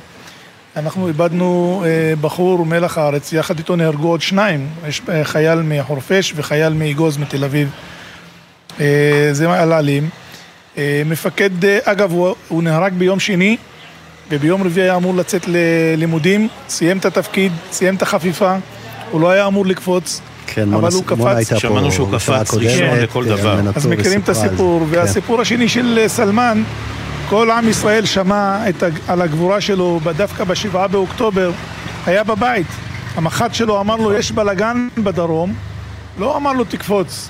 הוא מיד עלה על הסרבל שלו, התחיל אה, לדהור אה, מצאלים ישר ל- לצאלים לבארי. והגיע כן. לבארי. מה מה אחוז הגיוס ב- בכפר? אנחנו במאי השנה, לפני כמה חודשים, לא הרבה חודשים, נקראתי לרמטכ"ל לקריה, קיבלתי תעודת הערכה והוקרה מהרמטכ"ל על אה, גיוס, אה, אחוז גיוס גבוה ושירות משמעותי. אנחנו 89 אחוז גיוס. וואו. ו-79 אחוז משמעותי. וואו. חבר'ה, זה לא קרה באף מקום בארץ. אגב, גם לא זנחנו את האקדמיה. אנחנו גם אה, עלינו באקדמאים, והיום אה, אני יכול להגיד בגאווה גדולה, יש לנו ביאנוח ג'ת 69 מהנדסים, מתוכם 20 מהנדסים, מהנדסי חשמל בטכניון. יש לנו 59 הנדסאים, יש לנו 38 אנשים שלומדים הוראה, יש לנו תשעה עורכי דין, יש לנו 14 רופאים. דווקא עורכי דין זה טוב שזה מעט. כן, כי יש לנו הרבה, אז אה, אין להם מה לעשות. יש אז- לנו 26 פארה-רפואי ו-71 מדעי ואתה מדבר, אתה מדבר דווקא, אני רוצה דווקא להתעכב איתך על אחוזי הגיוס, שהם פשוט מדהימים, ואתה אה, נזכר בחוק הלאום. תשמע, אה, אנחנו שותפים לעם ישראל בכל האווירה הרעה שקיימת ונמצאת דווקא בחודש הזה, וכל היום הארור הזה, שבעה בחודש, זה היה יום רע, יום רע. ומה שמאפיין אותנו כעדה, יש כאלה שיגידו, וואלה, אתם פראיירים, אבל אנחנו לא. אנחנו לא מתחשבנים בעת צרה. לא מתחשבנים. אבל מה שקרה חייב להפיל את האסימון מיידית. אני אתמול, אני השבוע קראתי לראש הממשלה, מיד, עכשיו, עכשיו, לא לחכות שהמלחמה תיגמר, כי אף אחד לא יודע מתי, אגב, לדעתי המלחמה עוד לא התחילה. עכשיו, להכריז שאני משנה את חוק הלאום לטובת העדה הדרוזית ומי שתומך במדינת ישראל, ואת חוק קמיניץ להעיף אותו לקיבינימט. ואני מבטיח לו, לראש הממשלה, אני אחראי שכל השרים וכל חברי הכנסת יתמכו. אם לא הכל 90 אחוז. יתמכו בו. קיבלת כבר, קיבלת, קיבלת, מודי, קיבלת כאן אה, טלפונים משרים. בוודאי, היו פה. היו פה. אתה אומר זה צריך לבוא מלמעלה. לא, לא. רגע, קיבלת כבר טלפונים משרים שבאו ואמרו לך, לא יצאו פומבית, אמרו לך, אנחנו הולכים אבל- לשנות את אבל חוק גם הלאום? יצאו פומבית. אוקיי, ספר לי מי יצא פומבית ומי לא יצא פומבית וכן אמר לך. לפני יומיים קראנו למשקם, שראיתי את המנהל פה, תכף תדברו איתו, מפעל משקם שמעסיק 100 אנשים מהיישוב, קראנו למפעל הזה על שם עלים וסלמן. אז השר מרגי, יעקב מרגי, שר הרווחה, הוא הכריז, הוא אמר לי, אני, מודי, אני מסתכל לך, אני מתבייש להסתכל לך בעיניים, כי אני תמכתי בחוק הלאום. אבל הגדולה שלו, ואני באמת מציין אותו לטובה, הוא אמר, אני טעיתי, אני מודה, אני דואג שזה ישונה. וזו אמירה, זו אמירה אמיצה הוא מאוד. אמר את זה, מי עוד אמר את זה? מי עוד אמר לך את זה מהשרים? מהשרים כולם אמרו, אנחנו חייבים לשנות, אבל מי שיצא בפומבי זה רק השר יעקב מרגי. גם השר דיכטר אמר לך את זה? השר דיכטר לא דיברתי איתו. הוא גם לא היה פה. כלומר, יוזם החוק לא דיבר איתך? לא. שרים מהליכוד אבל אה, היו איתך גם? כן, הייתה פה אה, מירי רגב, הייתה פה גילה גמליאל, היה פה ניר ברקת. אבל כשאתה פונה אליהם, מה הם אומרים לך? מה הם אומרים לך? כולם תומכים? מה, מה הם אמרו? אתה צודק, אתה צודק, חייבים אוקיי. לשנות, חייבים לשנות את העניין הזה. והלאה, אנחנו נפעל אז אני לשנות, אומר, אז. אני, אני באופן אישי, אני לא סומך על שום דבר עד שאני לא אראה. אני רוצה מעשים. ברור. אני רוצה שביום ראשון, שהייתה, אמור- אני לא יודע אם יש ישיבת ממשלה או לא בגלל המצב, אבל ראש הממשלה יכריז על השינוי, הוא, י, הוא, י, הוא, הוא יחזק את המורא של החיילים הדרוזים שבכל החזיתות. אנחנו רק מיאנוח ג'ת, לסבר לכם את האוזן, יש לנו 483 אה, חיילים בצו 8. רק מהיישוב הקטן הזה. יישוב של 7,000 תושבים? 7,000 תושבים, כן, כמעט- 483. כן, כן. חברים, אני פה קיבלתי אישור בתחילת המלחמה להקים כיתת כוננות. אנחנו, זה יותר, זה שני- 13 אחוז מהיישוב מגויס בצו 8. כן, כן, חד משמעית. אני קיבלתי אישור לגייס 40 אה, נשקים, 40 אנשים כדי לתת להם נשקים ארוכים. אתה יודע כמה הצלחתי לגייס? 31 בלבד. לא בגלל שאני לא רוצה, כי אין. כולם במילואים. כולם במילואים. אז זה 31 תקנים, זה היה כיתת כוננות שלי, ואני חודש מנסה, וניסיתי ומנסה, ויש לי פה סגן אלוף, כולם תושבי המקום, סגן אלוף תושב המקום, שדי סף, הוא מפקד היחידה, קורע להם את התחת, ממש בתר... באימונים, יחידה מוכנה והכול, אבל הרוב במילואים, שהיינו במפעל, אמרתי את זה שם. רק נגיד, רגע, רגע, אתה אומר מפעל, אתה ואני יודעים, יש כאן באמצע הכפר ינוח מפעל שתופר את מדי צה"ל. כן, עוד מאה- מעט- עוד מעט נדבר עם עטה לא, כרות. אבל כשאנחנו אומרים מפעל צריך להבין כן, מה זה. כן, זה מה מפעל. מפעל? שתופר מדים לצה"ל, דרך, זה המשקם, דרך משרד הרווחה, ואתמול פרסמו סרטון, לצערי הרב, שמביאים בחור מהשטחים, מביא מדים, מביא מדי צה"ל, מוסר אותם פה לספק שלו, או לבחור שרוכש את השירות הזה ממנו, מהשטחים. חבר'ה, צריך להתעורר. זה תעשייה שחייבת להיות כחול לבן, ואך ורק כחול לבן. כדי ש... כל, כל המדים שיש להם שם, הם ככה יכולים להשיג אותם, והשיגו. והשיגו, זה לא שאנחנו... רבים מהמחבלים היו על מדי צה"ל. כן, כן, כן. לכן אה, צריך, לח- יש הרבה דברים, שאני אומר להפיל את האסימון, זה הרבה תחומים. אחד, צריך להבין במדינת ישראל שהאיום השתנה. האיום במדינת ישראל השתנה. ולמה אני מתכוון? כולנו. צריך לדאוג לילדים שלנו, לנשים שלנו, להורים שלנו בתוך הבתים. כי יגיעו אלינו הביתה וראינו מה קרה שם. זה אחד. ב', כל התעשייה הזאת.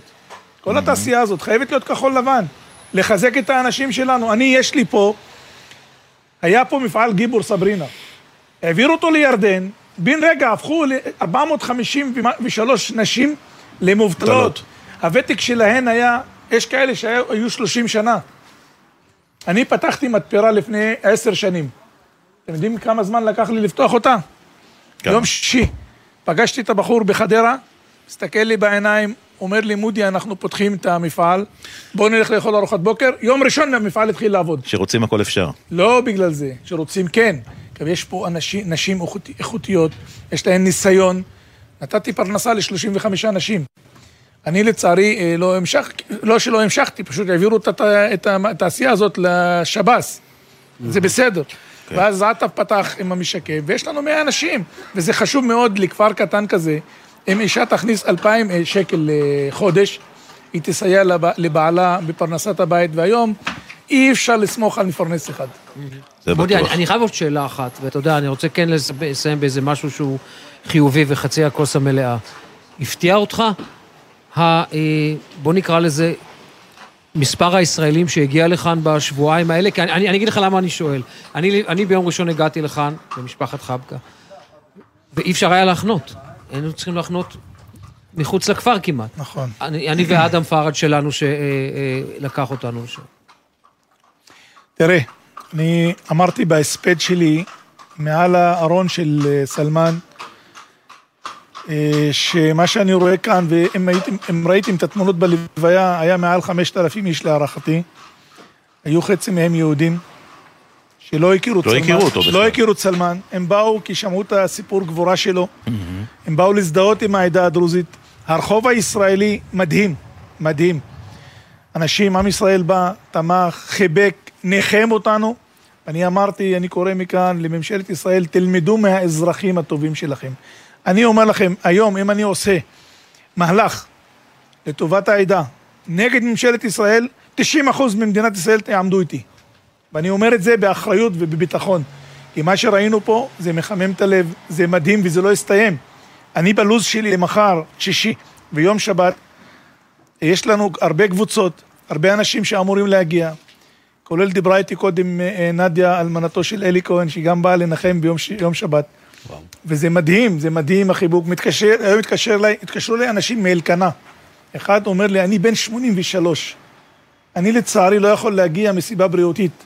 אני התקשרתי לנחם אותך, אדוני ראש המועצה, ואני רוצה ברשותך לדבר עם אבא של סלמן. קיבל את הטלפון, בן 83. עכשיו, זו הרוח. כי אנשים הבינו סוף סוף בעניין הזה, מה אתה עושה חוק לאום? לנו אין בעיה עם המדינה של העם היהודי. ואני אומר לך, כל מי שנמצא בישראל, כולל הערבים, לא רוצים להיות באף מדינה אחרת. לא אה, שלטון מוסלמי ולא אחר. כולם רוצים להיות פה. אז ברגע שאתה מבליט את זה, הבלטת את זה, לא התייחסת לשותפים ולחברים, ול... אני לא אוהב לקרוא ברית, אבל לאנשים שאיתך.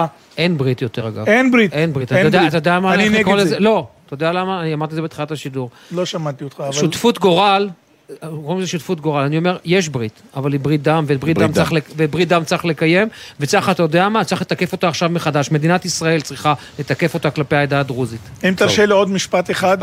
השר סמוטריץ' היה פה. גם בן גביר אגב היה פה. התקשר אליי, "מה, תקבלו אותי? כן, אנחנו עדה שמקבלת אורחים בכבוד גדול. נכנס, קיבל כבוד, אף אחד לא, אה, לא חס ושלום, לא העליב, לא פגע, לא כלום. אנחנו כפר 900 מטר מעל, מגבול לבנון. אנחנו לא קו עימות, חסר לי 91 מטר. אמרתי גם, השר בני גנץ יושב עכשיו אצלי בלשכה, עושה זום. אמרתי לו, תסתכל, אני מהלשכה שלי צופה על חצי מגזרת 300. הקריטריונים חייבים להשתנות. חייבים להשתנות. לצערי, אנחנו עושים את זה בדם, אבל חייבים להשתנות, וחייבים לקבוע דברים אחרים חדשים, ובגלל זה לקחו לנו את ה-12 אחוז. את ה-12 אחוז לקחו לתושבים, חייבים להחזיר את זה. שזה הקלה במס. גם את זה, הקלה במס, כן. גם לשנות את חוק הלאום, וגם לבטל את חוק קמיניץ מיידית. מיידית. יש חיילים שנלחמים, ורובץ מעליהם אה, צו הריסה לבית, לבית שלהם.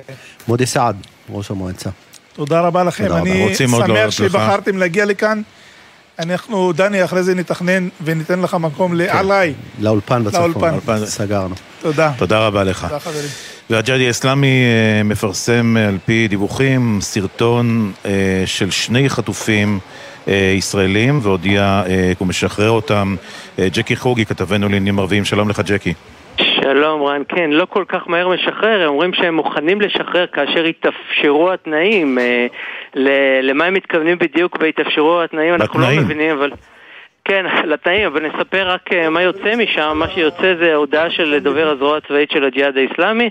זה אדם שמכונה אבו חמזה, הוא אומר שאנחנו נשחרר אה, אישה אה, בגלל מצבה הרפואי וחוסר היכולת לטפל בה בגלל אה, מחסור בתרופות ברצועה, וילד אה, ילד נוסף, הם מפרסמים לפרסום הזה, הם מצרפים גם סרטון שבו שניהם מדברים, שניהם נראים במצב טוב, מדברים, מדובר בשני חטופים מקיבוץ ניר עוז, הילד הוא יגיל יעקב, האישה היא חנה קציר, אלה השמות, הם מדברים, אה, וכמובן התכנים שהם שהם אה, אה, הם תכנים ששמו בפיהם השובים שלהם, אבל אה, אה, זאת ההודעה. ההודעה היא שניים במצב טוב, אה, הג'יהאד האיסלאמי מוכן לשחרר אותם, ומפרסם איזושהי הודעה- שהיא קצת, אה, אה, או נימוק קצת מעורפל לגבי היכולת או התנאים שיאפשרו לו לשחרר אותם.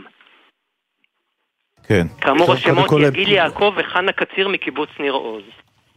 שזה קודם כל נשימה עמוקה של המשפחות אה, והקלה, לראות אותם אה, כשהם מדברים ובחיים. בואו נראה מה היו התנאים. כן, את הסרטון אנחנו רואה עכשיו, אה, צופה בו עכשיו, רואים את חנה יושבת בכיסא גלגלים, יש תרגום כמובן בערבית. אנחנו כמובן נוודא שהדבר הזה בכלל... שיהיה דבר כזה, אני מקווה מאוד. ג'קי, תודה רבה, תודה לכם. ויהיו עוד עדכונים, אה, אתה כמובן, אה, אנחנו איתך על הטלפון. יופי, נצא להפסקה קצרה. כן, הפסקה אה, קצרצרה. קצרצרה ונחזור לחצי. שעה נוספת.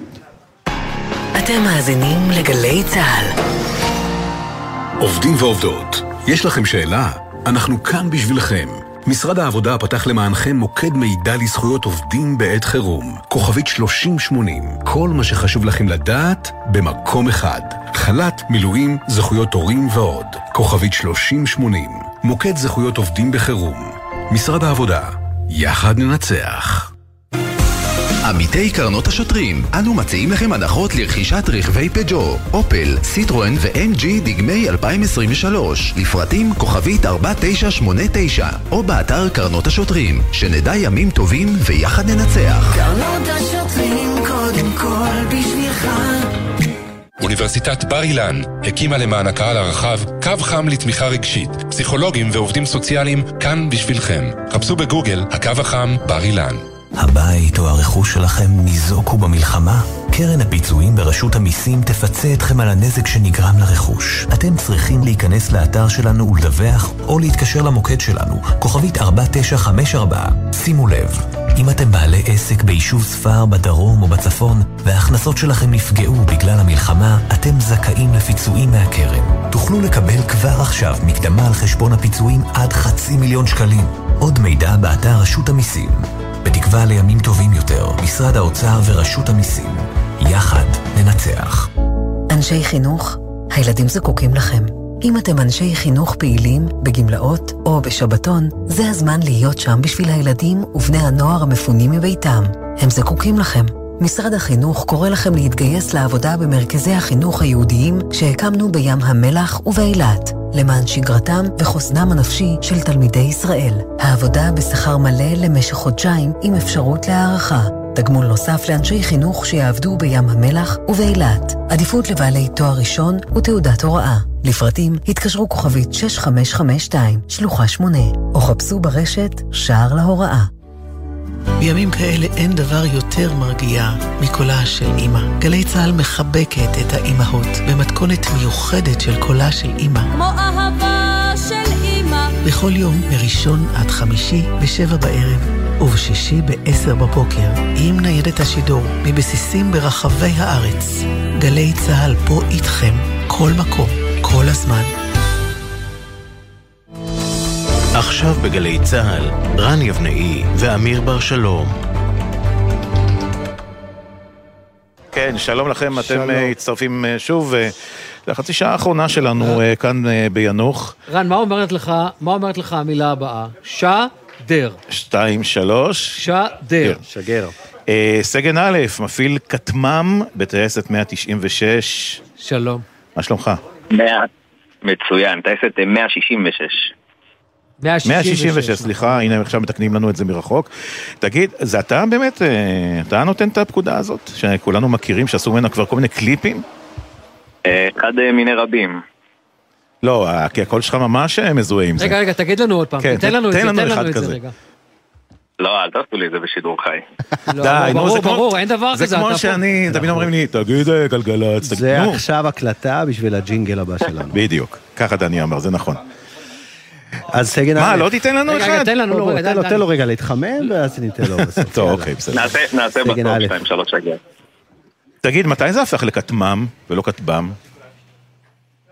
האמת שאני לא יודע תאריך מדויק, אבל זה... שאלתי אותך- זה היה מל"ט, מזל"ט, מזל"ט, מזל"ט. מזל"ט, כן. ואז כטמ"ם.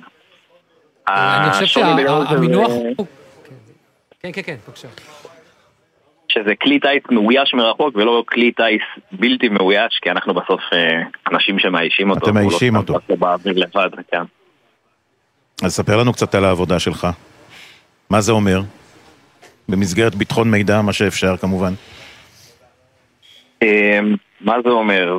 זה אומר שמתחילת הלחימה היינו, אה, היינו באוויר, אה, ומאז אנחנו 24/7 נמצאים מעל רצועת עזה ומעל יישובי העוטף שם שנמצאים. העבודה קצת השתנתה, בהתחלה זה התחיל בעיקר אה, תיאור של היישובים מכל המחבלים, אה, ובלימה והגנה של החדירה הקרקעית שהייתה. אה, והיום מה שאנחנו מתעסקים בו בעיקר זה סיוע לתמרון של הכוחות הקרקעיים שנמצאים, אה, שנמצאים היום אה, בקרקע ברצועת עזה. לצורך העניין, אני חייב לשאול אותך, אה, כמובן במסגרת ביטחון המידע, אה, נכון שאין אה, זיק שעולה לאוויר וחוזר עם כל הרקטות שלו חזרה? היום בטח לא. ככל הנראה לא. ככל הנראה אתה אומר, זה לא קורה. ושיתוף הפעולה עם כוחות הקרקע, על זה מדברים הרבה.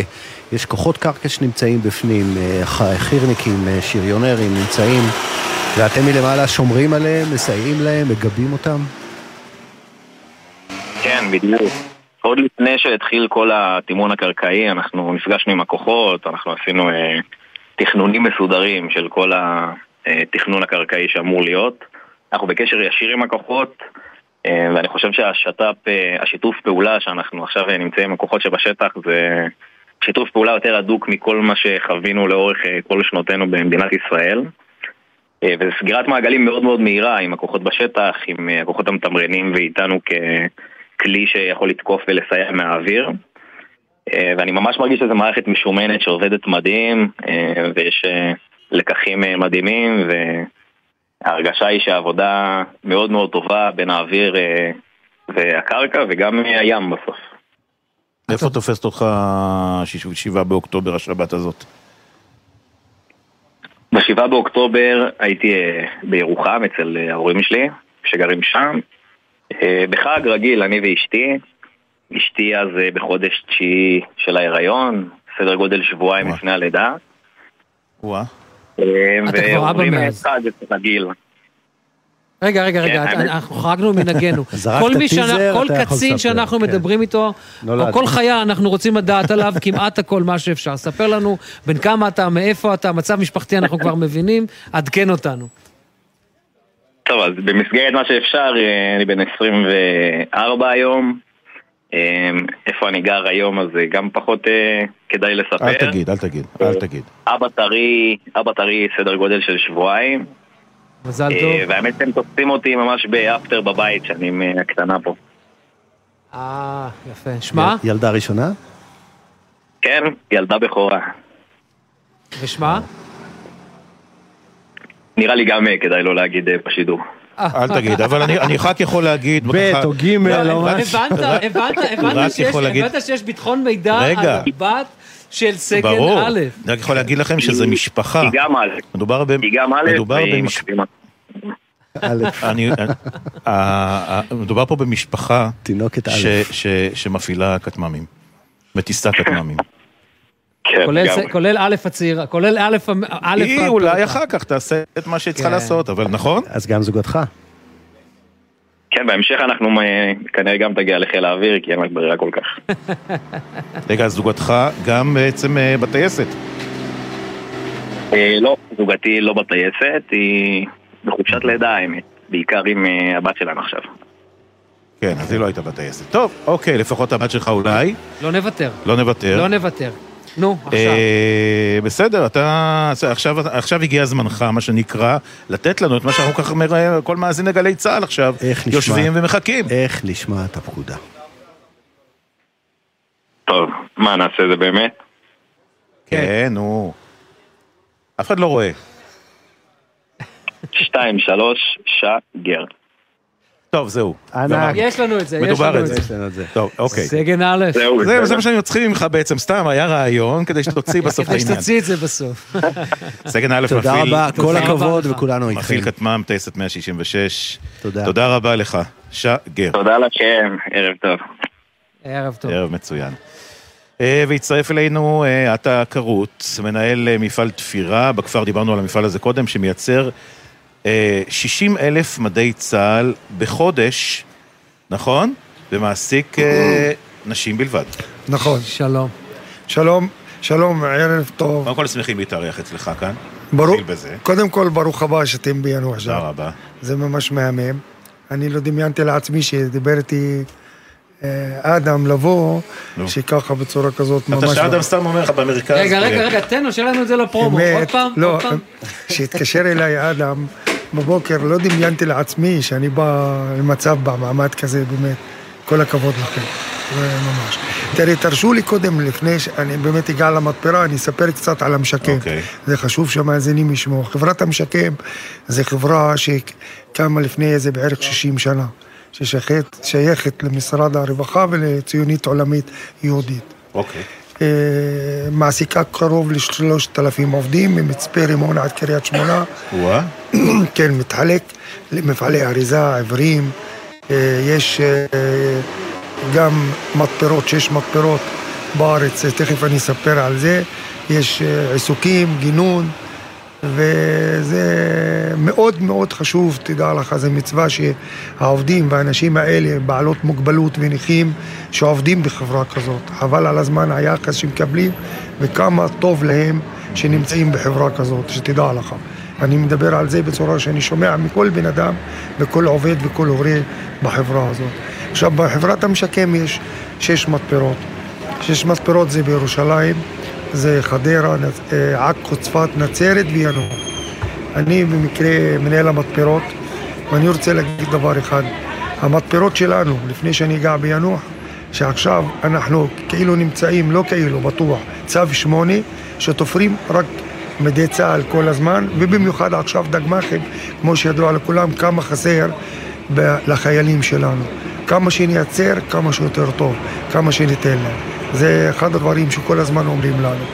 ועכשיו מתפרת ינוח אה, מונה קרוב ל-95 עובדות עם אה, אה, מגמה, אחרי שדיברתי עם המנכ"ל והמנהל שלי, כן נעלה עוד, ואני מקווה להגיע למעל 100 עובדות. יש, ויש, יש יגיעו.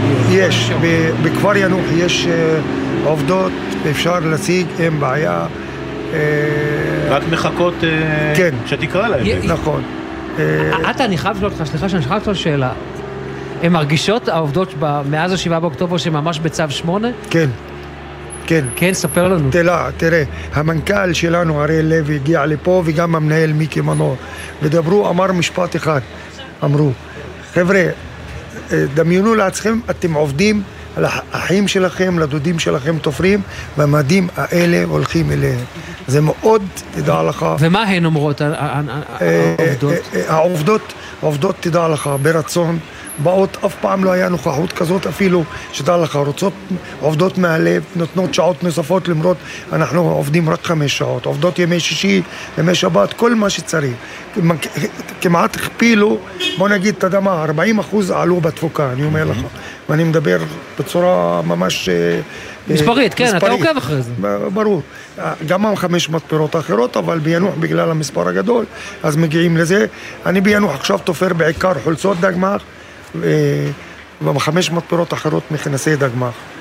ומה שקורה, אה, כמה שיותר אנחנו נעלה וניתן לצבא, זה עוזר. והבנות, כל העובדות יודעות את זה. אבל יש מקום להתפתח מבחינת מקום. כן, יש. יש לך מקום. יש מקום, אני... מכונות, עוד מכונות, עוד אין, דברים. אין בעיה, באמת, המנכ"ל והמנהל שלי, שאני אמרתי לו עכשיו רוצה עוד מכונות, אין שום בעיה, כל הזמן. תדע לך, יש לנו גם בתוך המתפרה מגזירה, הרי אני מחלק את העבודה לחמש מתפרות אחרות. וזה חשוב מאוד, הפרנסה פה, באמת, למשקם, אני אומר כל הכבוד. מהמם. בסך הכל היה, אני 45 שנים במקצוע הזה, היה לפני זה גיבור סברינה, תפרון, גם אני הייתי פה, היה לי קרוב, אה, כמו שאמר ראש המועצה, 300 עובדות.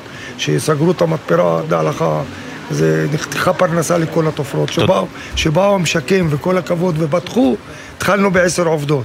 תראה איפה הגענו. וואו. באמת. תגיד, עוד מעט מתחיל החורף. כן. נכון? אתם- אתם תתפרו גם דברים שאולי מעילים, אולי אה, דברים אחרים? תראה, אה, אני תמיד מאמין בדבר אחד, אפשר לתפור כל דבר. ברגע צריך אה, להסתגל לזה. אבל לכם אין בעיה, זאת אומרת, אתם יכולים לתפור מעילים כן. ביאנוח אין בעיה, אבל עכשיו הם רוצים יותר את המדים. המדים. הגמ"חים. אגב, אה, אתם תופרים גם את המדים הטקטיים שכל הצבא רוצה? כן. המדים הטקטיים. אין בעיה, גם אה, אנחנו... אמיר מתכנן פשוט, הוא חייב יודעים. לצאת עם משהו. כן. אין פה מספיק שקיות וכל מיני דברים אה, לא, לא. שהביאו לנו. לא, כי אני יודע שכל. הצבא רוצה מדים טקטיים, אני יודע, כי אני טיפלתי בכמה יחידות שפנו אליי לתרומה, ולכן אני שואל. אני יודע, עכשיו התחלנו עם זה, עצרו את זה בגלל הדגמ"חים והמלחמה. יודעים לתפור, זה לא בעיה. כל דבר אמרתי לך, אפשר לתפור. אז אה, כל המגמה היא והמאמץ שלנו לעזור עכשיו לצבא כמה שיותר להוציא סחורה אה, לצבא, זה חשוב מאוד. עכשיו המתפרה, כמו במשקם בא עם רעיון המנכ"ל אריאל ויושב ראש הדירקטוריון אה, אלון. אה, מה הרעיון? איזה רעיון? אה, לקרוא את המתפרה, מתפרת הבנים על שם מנוח סלמן, הסגן אלוף שנפל, ועלי. והיה טקס אה, שבוע שעבר ביום שלישי במעמד, גם ההנהלה, אה, שר הרווחה, יושב ראש הציונית היהודית, אה, ראש העדה מואפק טריף וכל, והמשפחות עם הנהלת המשקם היו, ופשוט עשינו שם, היה שלט, והמתפרה עכשיו נקראת מתפרת הב- הבנים על שם המנוחים סלמן ועלי. עם שלט של אה, בתוך המתפרה ויהיה גם שלט כמובן בחוץ. אני אומר כל הכבוד בכפר, תדע לך, מאוד אני קיבלתי, את- זאת אומרת, התרשמות וכולם הודו לזה באמת על הדבר כזה מהמם מה שעשו המשקם. זה דבר שלא, אתה יודע מה, זה חבל על הזמן כמה, במיוחד המשפחות מעריכות את זה, תדע לך. אתה יודע מה אני לוקח? דבר אחד. כשמדינת ישראל רוצה, היא יכולה. נכון. ומזה, את זה אנחנו צריכים לקחת ולשכפל. נכון. הנה עובדה, קצת מחשבה יצירתית, והנה החזירו לכאן עבודה, שזה, באנגלית קוראים לזה ווין ווין לשני הצדדים. נכון. והנה. נכון, נכון.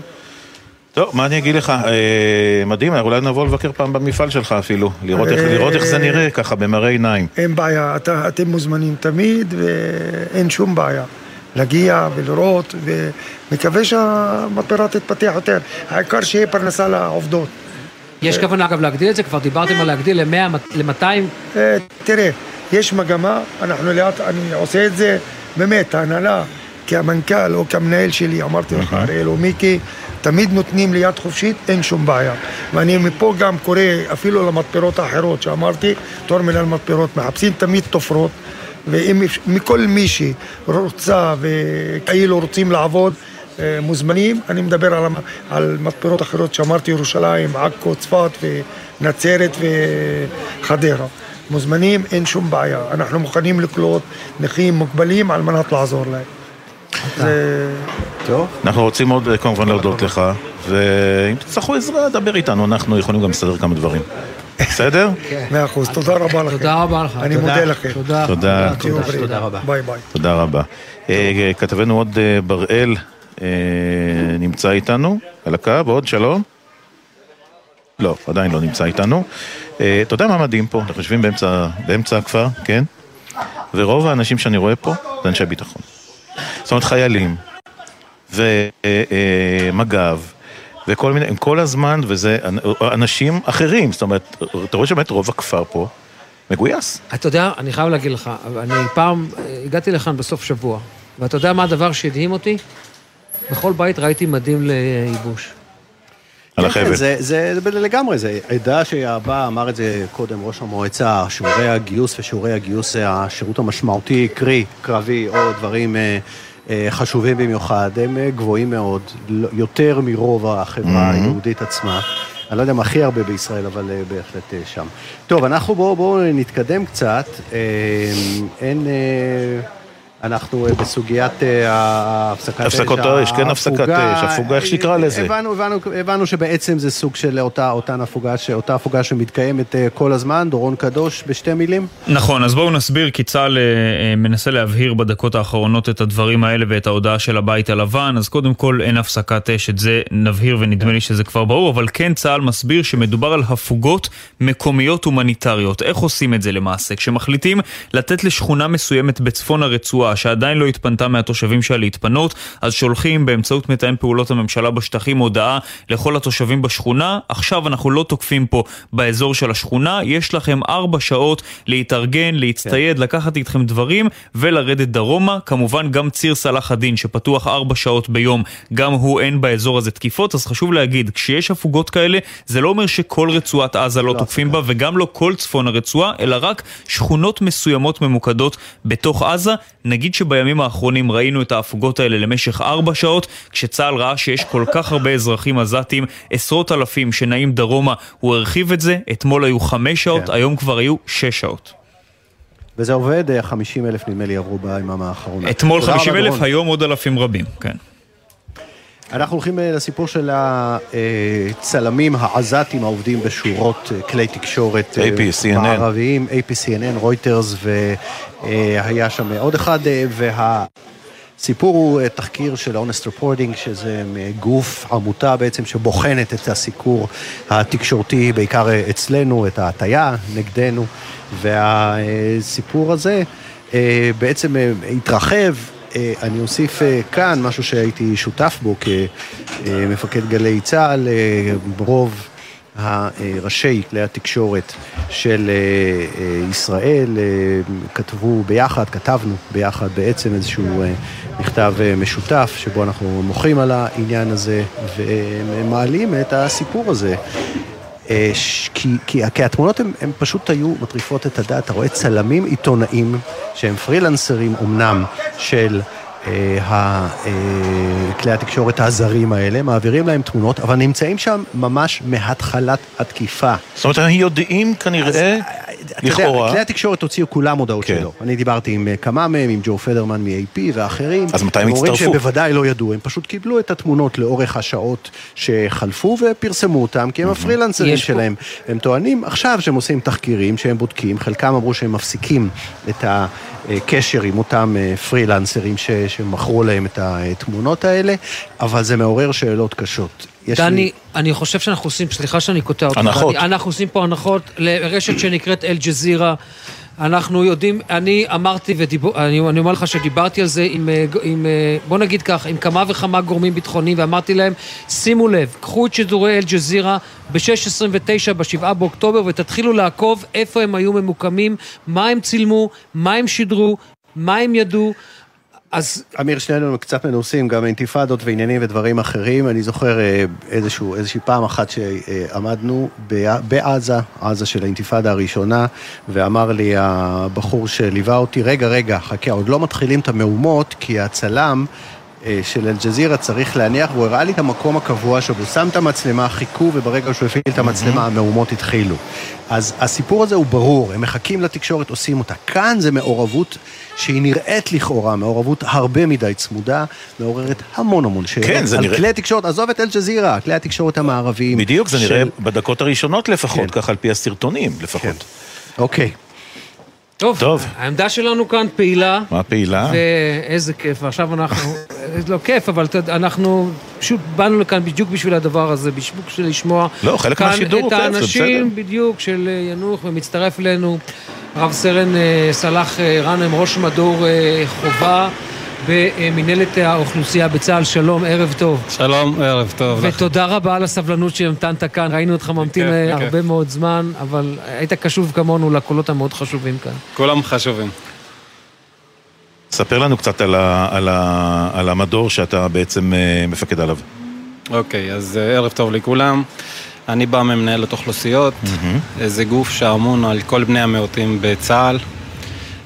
דרך אגב, זה הרעיון הראשון שלי, אז כיף לי להיות כאן. אז כיף לנו שאתה אצלנו כן. ברעיון הראשון. ואני בכובע שלי רמת חובה, mm-hmm. כלומר חייבי הגיוס, דרוזים וצ'רקסים.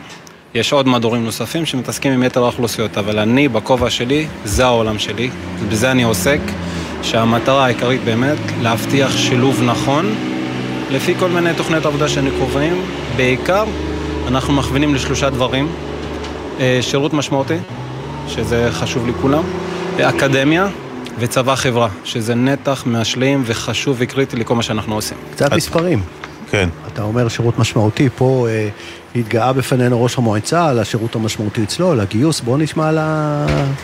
גם הדרוזים וגם הצ'רקסים ככלל. כן, אנחנו לא עדה גדולה, בוא נגיד את האמת, אבל כן. חשוב לנו שכל אחד יעשה שירות משמעותי לפי הנתונים שלו. אתה אומר לא גדולה, אבל כל כך חשובה. כן, כן. עם הרבה לב ואהבה למדינה. אז אנחנו מנסים באמת, לפי הנתונים של כל אחד, לשלב אותו בצורה המיטבית, כדי שהוא בעצמו יקבל את הכלים ויוכל לתרום בחזרה. אז אנחנו מתחילים איתם ממש, החל מהצו הראשון, מכינים אותם, מסבירים להם, יש לא מעט דברים שחסרים בעולם. איך זה מתבצע? איך זה מתבצע בדיוק? אני מגיע פיזית. אתה מגיע פיזית? כן, כן, כן. אני, אנשים שלי, החיילים שלי, יש לי גם מדענים בתוך הבתי ספר, מלווים אותם, כי אין מה לעשות, חייבים להנגיש את המידע ולהסביר להם עד כמה התחנה הזאת, ואני בזה אני מאמין, בשביל זה אני בתפקיד, היא נקודה קריטית לכל ילד ונער במדינת ישראל. ולכן אנחנו חייבים להיות איתם שם בנקודה הזאת, וגם בעניין של השיבוץ, כדי להבטיח שכל אחד יעשה את הכי טוב שהוא יכול. אגב, זה, פעם זה היה, הדרוזים היו ב-300 ואולי בעוד כמה דברים. היום זה הרבה יותר נפוץ. ראינו את, את סגן אלוף חבקה, שקצין שריון בעצם, ויש גם למעשה קצין שריון ראשי. נכון, אני, אני אגיד לך את האמת, הדרוזים תמיד היו משולבים, בסדר? יש תקופות שפחות, יש תקופות שיותר, אבל אנחנו רואים אותם בכל צה"ל. יש לנו גם טייסים, סיירת מטכ"ל, כל מה שאתם יכולים לחשוב עליו, יש. ולשם אנחנו מכוונים. אז להשתלב אין לנו בעיה, בסדר? 8200, המון. 8200 הם האגדה. לא חסר, כן. כן, אני, אני, אני שמעתי דברים מדהימים על בני העדה הדרוזית ב-8200, כולל אגב בעימות, בעימות הזה. אנחנו לא יכולים להיכנס לזה, אבל הערכה עצומה, עצומה. ברשותכם אני אגיד לך משהו, במלחמה התחדד הצורך האמיתי באנשים דוברי ערבית, שיכולים לעשות משימות סופר חשובות במלחמה הנוכחית. יש עמדות ספציפיות. בדיוק, גם, גם יש משימות יהודיות שאנחנו עזרנו בהן בתור מנהל אוכלוסיות, לאתר פוטנציאל רלוונטי מתוך העדה, mm-hmm. שיכול לעשות בדיוק מה שנדרש. וזה היה מטורף. פשוט להתאים את הפתרון לצורך. החימוש למטרה, כמו שאומרים אצלנו. אז תספר לי קצת על התגובות, באמת, אתה מגיע לבתי ספר, לכל מיני מקומות. כמו כל העדה הזאת, כולם רתומים. עכשיו אתה תעשה סקר, כל אחד רוצה לקחת נשק וללכת ללחם. אנחנו נולדנו עם משהו, משהו ב-DNA שלנו, אנחנו לוחמים, לא יעזור. אף אחד לא ייקח את זה מאיתנו. ובאמת, כולם, גם בסקטור האזרחי, גם האנשים, כמו שאמר מודי, חבר שלי לפני רגע, mm-hmm. לא היה את מי לגייס לכיתות כוננות. גם בזה התעסקנו. לא יאמן. פשוט אין אף אחד. פשוט, כולם, כולם בצו שמונה. הכפרים, אם אתה מסתובב, אתה תראה נשים, זקנים וזה, גברים באמת מגויסים כולם. אז אה, זה אנחנו. אנחנו נודה לך, אפשר, אתה יודע, אפשר לדבר עוד המון, ואנחנו גם רוצים עוד המון. ואנחנו נמשיך. ואנחנו נמשיך, אנחנו נגיע עוד פעם, זה בטוח. גם, גם, לפחות עוד פעם אחת. וגם נטפל פרטנית בצורה יותר עמוקה ב- בסוגיה הזו. תודה כן. רבה. תודה לכם. תודה לך. סרן סלאח גאנם, תודה. אה, הוד בראל, אה, כתבנו על אה, הפגנה שיש עכשיו מול משרדי הצלב האדום, ברקע הדיווח על שני חטופים. עוד שלום. כן, שלום לכם, דני רן ואמיר. אה, מאות רופאים, אחיות, אנשי רפואה ונציגי משפחות החטופים מתאספים בשעה הזו כאן, אל מול אה, משרדי הצלב האדום בתל אביב. ההפגנה הזו אה, נקבעה כבר קודם כמובן הפרסום שדיווחנו עליו קודם בנוגע לשחרור שני החטופים. אה, וההפגנה הזו מתקיימת בעצם תחת הדרישה מהצלב האדום לבקר ולבדוק את מצבם, את מצבם הבריאותי של החטופים בעזה. אה, אנחנו מבינים שבהפגנה צפויים אה, לנאום בין היתר רופאים לצד משפחות החטופים וגם רופאים שבעצמם יש להם קרובי משפחה שנמצאים כרגע בעזה. בשלב הזה, ממה שאנחנו מבינים, לא תהיה כאן התייחסות רשמית מטעם מטה החטופים בנוגע לדיווח שהגיע בנוגע לשני, לשחרור של אה, שני החטופים. אה, בשלב הזה כבר אפשר להגיד שנמצאים כאן מאות אנשים שנמצאים, מחזיקים שלטים, רובם אה, חלוקים בעצם. אנחנו מבינים פה מאנשים שרובם הגיעו בעצם מהמשמורת בבתי החולים, אה, אנשים שהגיעו מבתי חולים ומכלל קופות החולים ברחבי הארץ עם החלוק, נמצאים כאן, מחזיקים את השלטים אל מול המסך שכרגע אה, מוקרן עליו בעצם אה, תמונות של הילדים וסרטונים של ילדים וצעירים, מבוגרים וזקנים שמוחזקים כרגע בעזה. אה, כאמור, כבר מאות נמצאים כאן, אה, ועוד אה, אמורים להגיע לכאן עוד אנשים, ותכף גם יעלו הדוברים לנאום על הבמה. טוב, עוד בראל, תודה רבה לך על הסקירה הזאת. אנחנו נמשיך כמובן לדווח בתוכניות גלי צה"ל השונות על התוצאות של ההפגנה זהו, הזאת. סיימנו. אנחנו לצערנו, סיימנו. אנחנו היינו ממשיכים עוד שעה, דני, היינו ממשיכים עוד שעה. אנחנו נעשה יום שידורים. לוקחים אותו בין ערובה, אין מה יום לעשות. שידורים בינואר, תשמע. אנחנו לקחנו את העורך הראשי של גלי. צה"ל, שמנו אותו פה איתנו וסחטנו אותו בשידור. הכל בסדר. טוב, אז. קודם כל, אה, תודה למשפחת פראג' אה, שאירחה אותנו כאן. תודה אדם, אה, תודה על כל ההפקה כל השבוע, על ההפקה המורכבת. הזאת.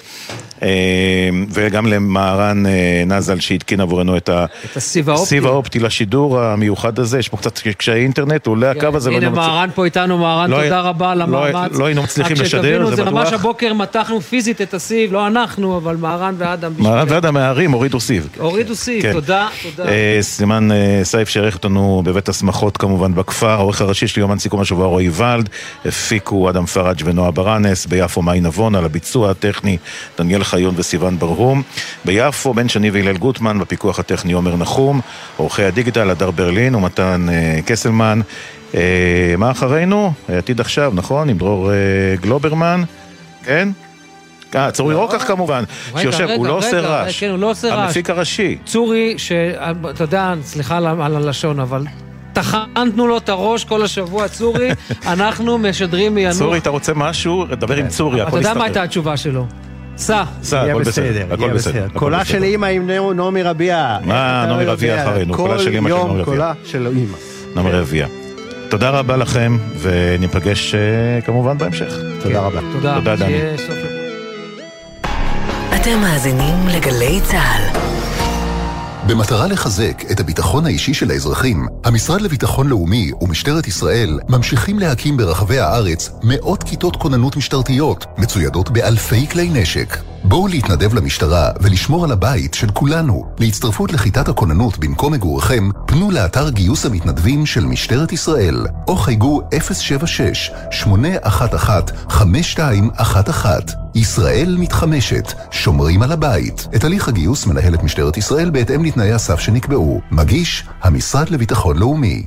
עמיתי מועדון חבר, יש לכם או לקרובכם משק חקלאי? אם יש גם אתר הזמנות, נשמח ליצור שיתוף פעולה, לפרסם אצלנו ולסייע לחקלאות הישראלית. עוד פרטים, באתר מועדון חבר, איתכם ולצידכם, בתקווה לימים שקטים יותר במהרה. זה הכל בשבילך, חבר. בימים אלה אלפי עובדות ועובדים סוציאליים פועלים יומם ולילה כדי לסייע ולתמוך במאות אלפי אנשים הזקוקים להם יותר מתמיד. תודה מכל הלב לכל אחת ואחד מכם. מוגש מטעם איגוד העובדות והעובדים הסוציאליים. עם ישראל, הביטוח הלאומי הוא מגן הזכויות שלכם, ואנחנו כאן בשבילכם גם כדי להגן על הנפש. אם אתם חשים חרדה או מצוקה נפשית שמקשה עליכם בתפקוד היומיומי, הביטוח הלאומי מממן לכם טיפולים אישיים, זוגיים או משפחתיים, עם מטפלים מומחים ובלי בירוקרטיה. כל מה שצריך לעשות הוא לפנות אל מרכזי החוסן והמרפאות המטפלות ולקבל את הסיוע שאתם זקוקים לו. הביטוח הלאומי מחבק אתכם ועומד לצדכם גם ברגעים האלה. לפרטים נוספים ייכנסו לאתר הביטוח הלאומי. אם התפניתם מבתיכם מכוח החלטת הממשלה, יש לכם כתובת. משרד התיירות מפעיל מערך המספק לכם פתרון אירוח במימון מלא. למעדיפים פתרונות שהייה שאינם בהסדר המדינה, אנו מציעים מענק של 200 שקלים למבוגר ו-100 שקלים לילד עד גיל 18 לכל יום ממועד הפינוי הרשמי ועד החזרה לשגרה. מדובר בסכום של 18,000 שקלים ל-30 יום למשפחה של ארבע נפשות. לפרטים נוספים ולהגשת בקשה, היכנסו לאתר הביטוח הלאומי, משרד התיירות. הכתובת שלכם בדרך לניצחון. מיד אחרי החדשות, נעמי רביע עם קולה של אימא.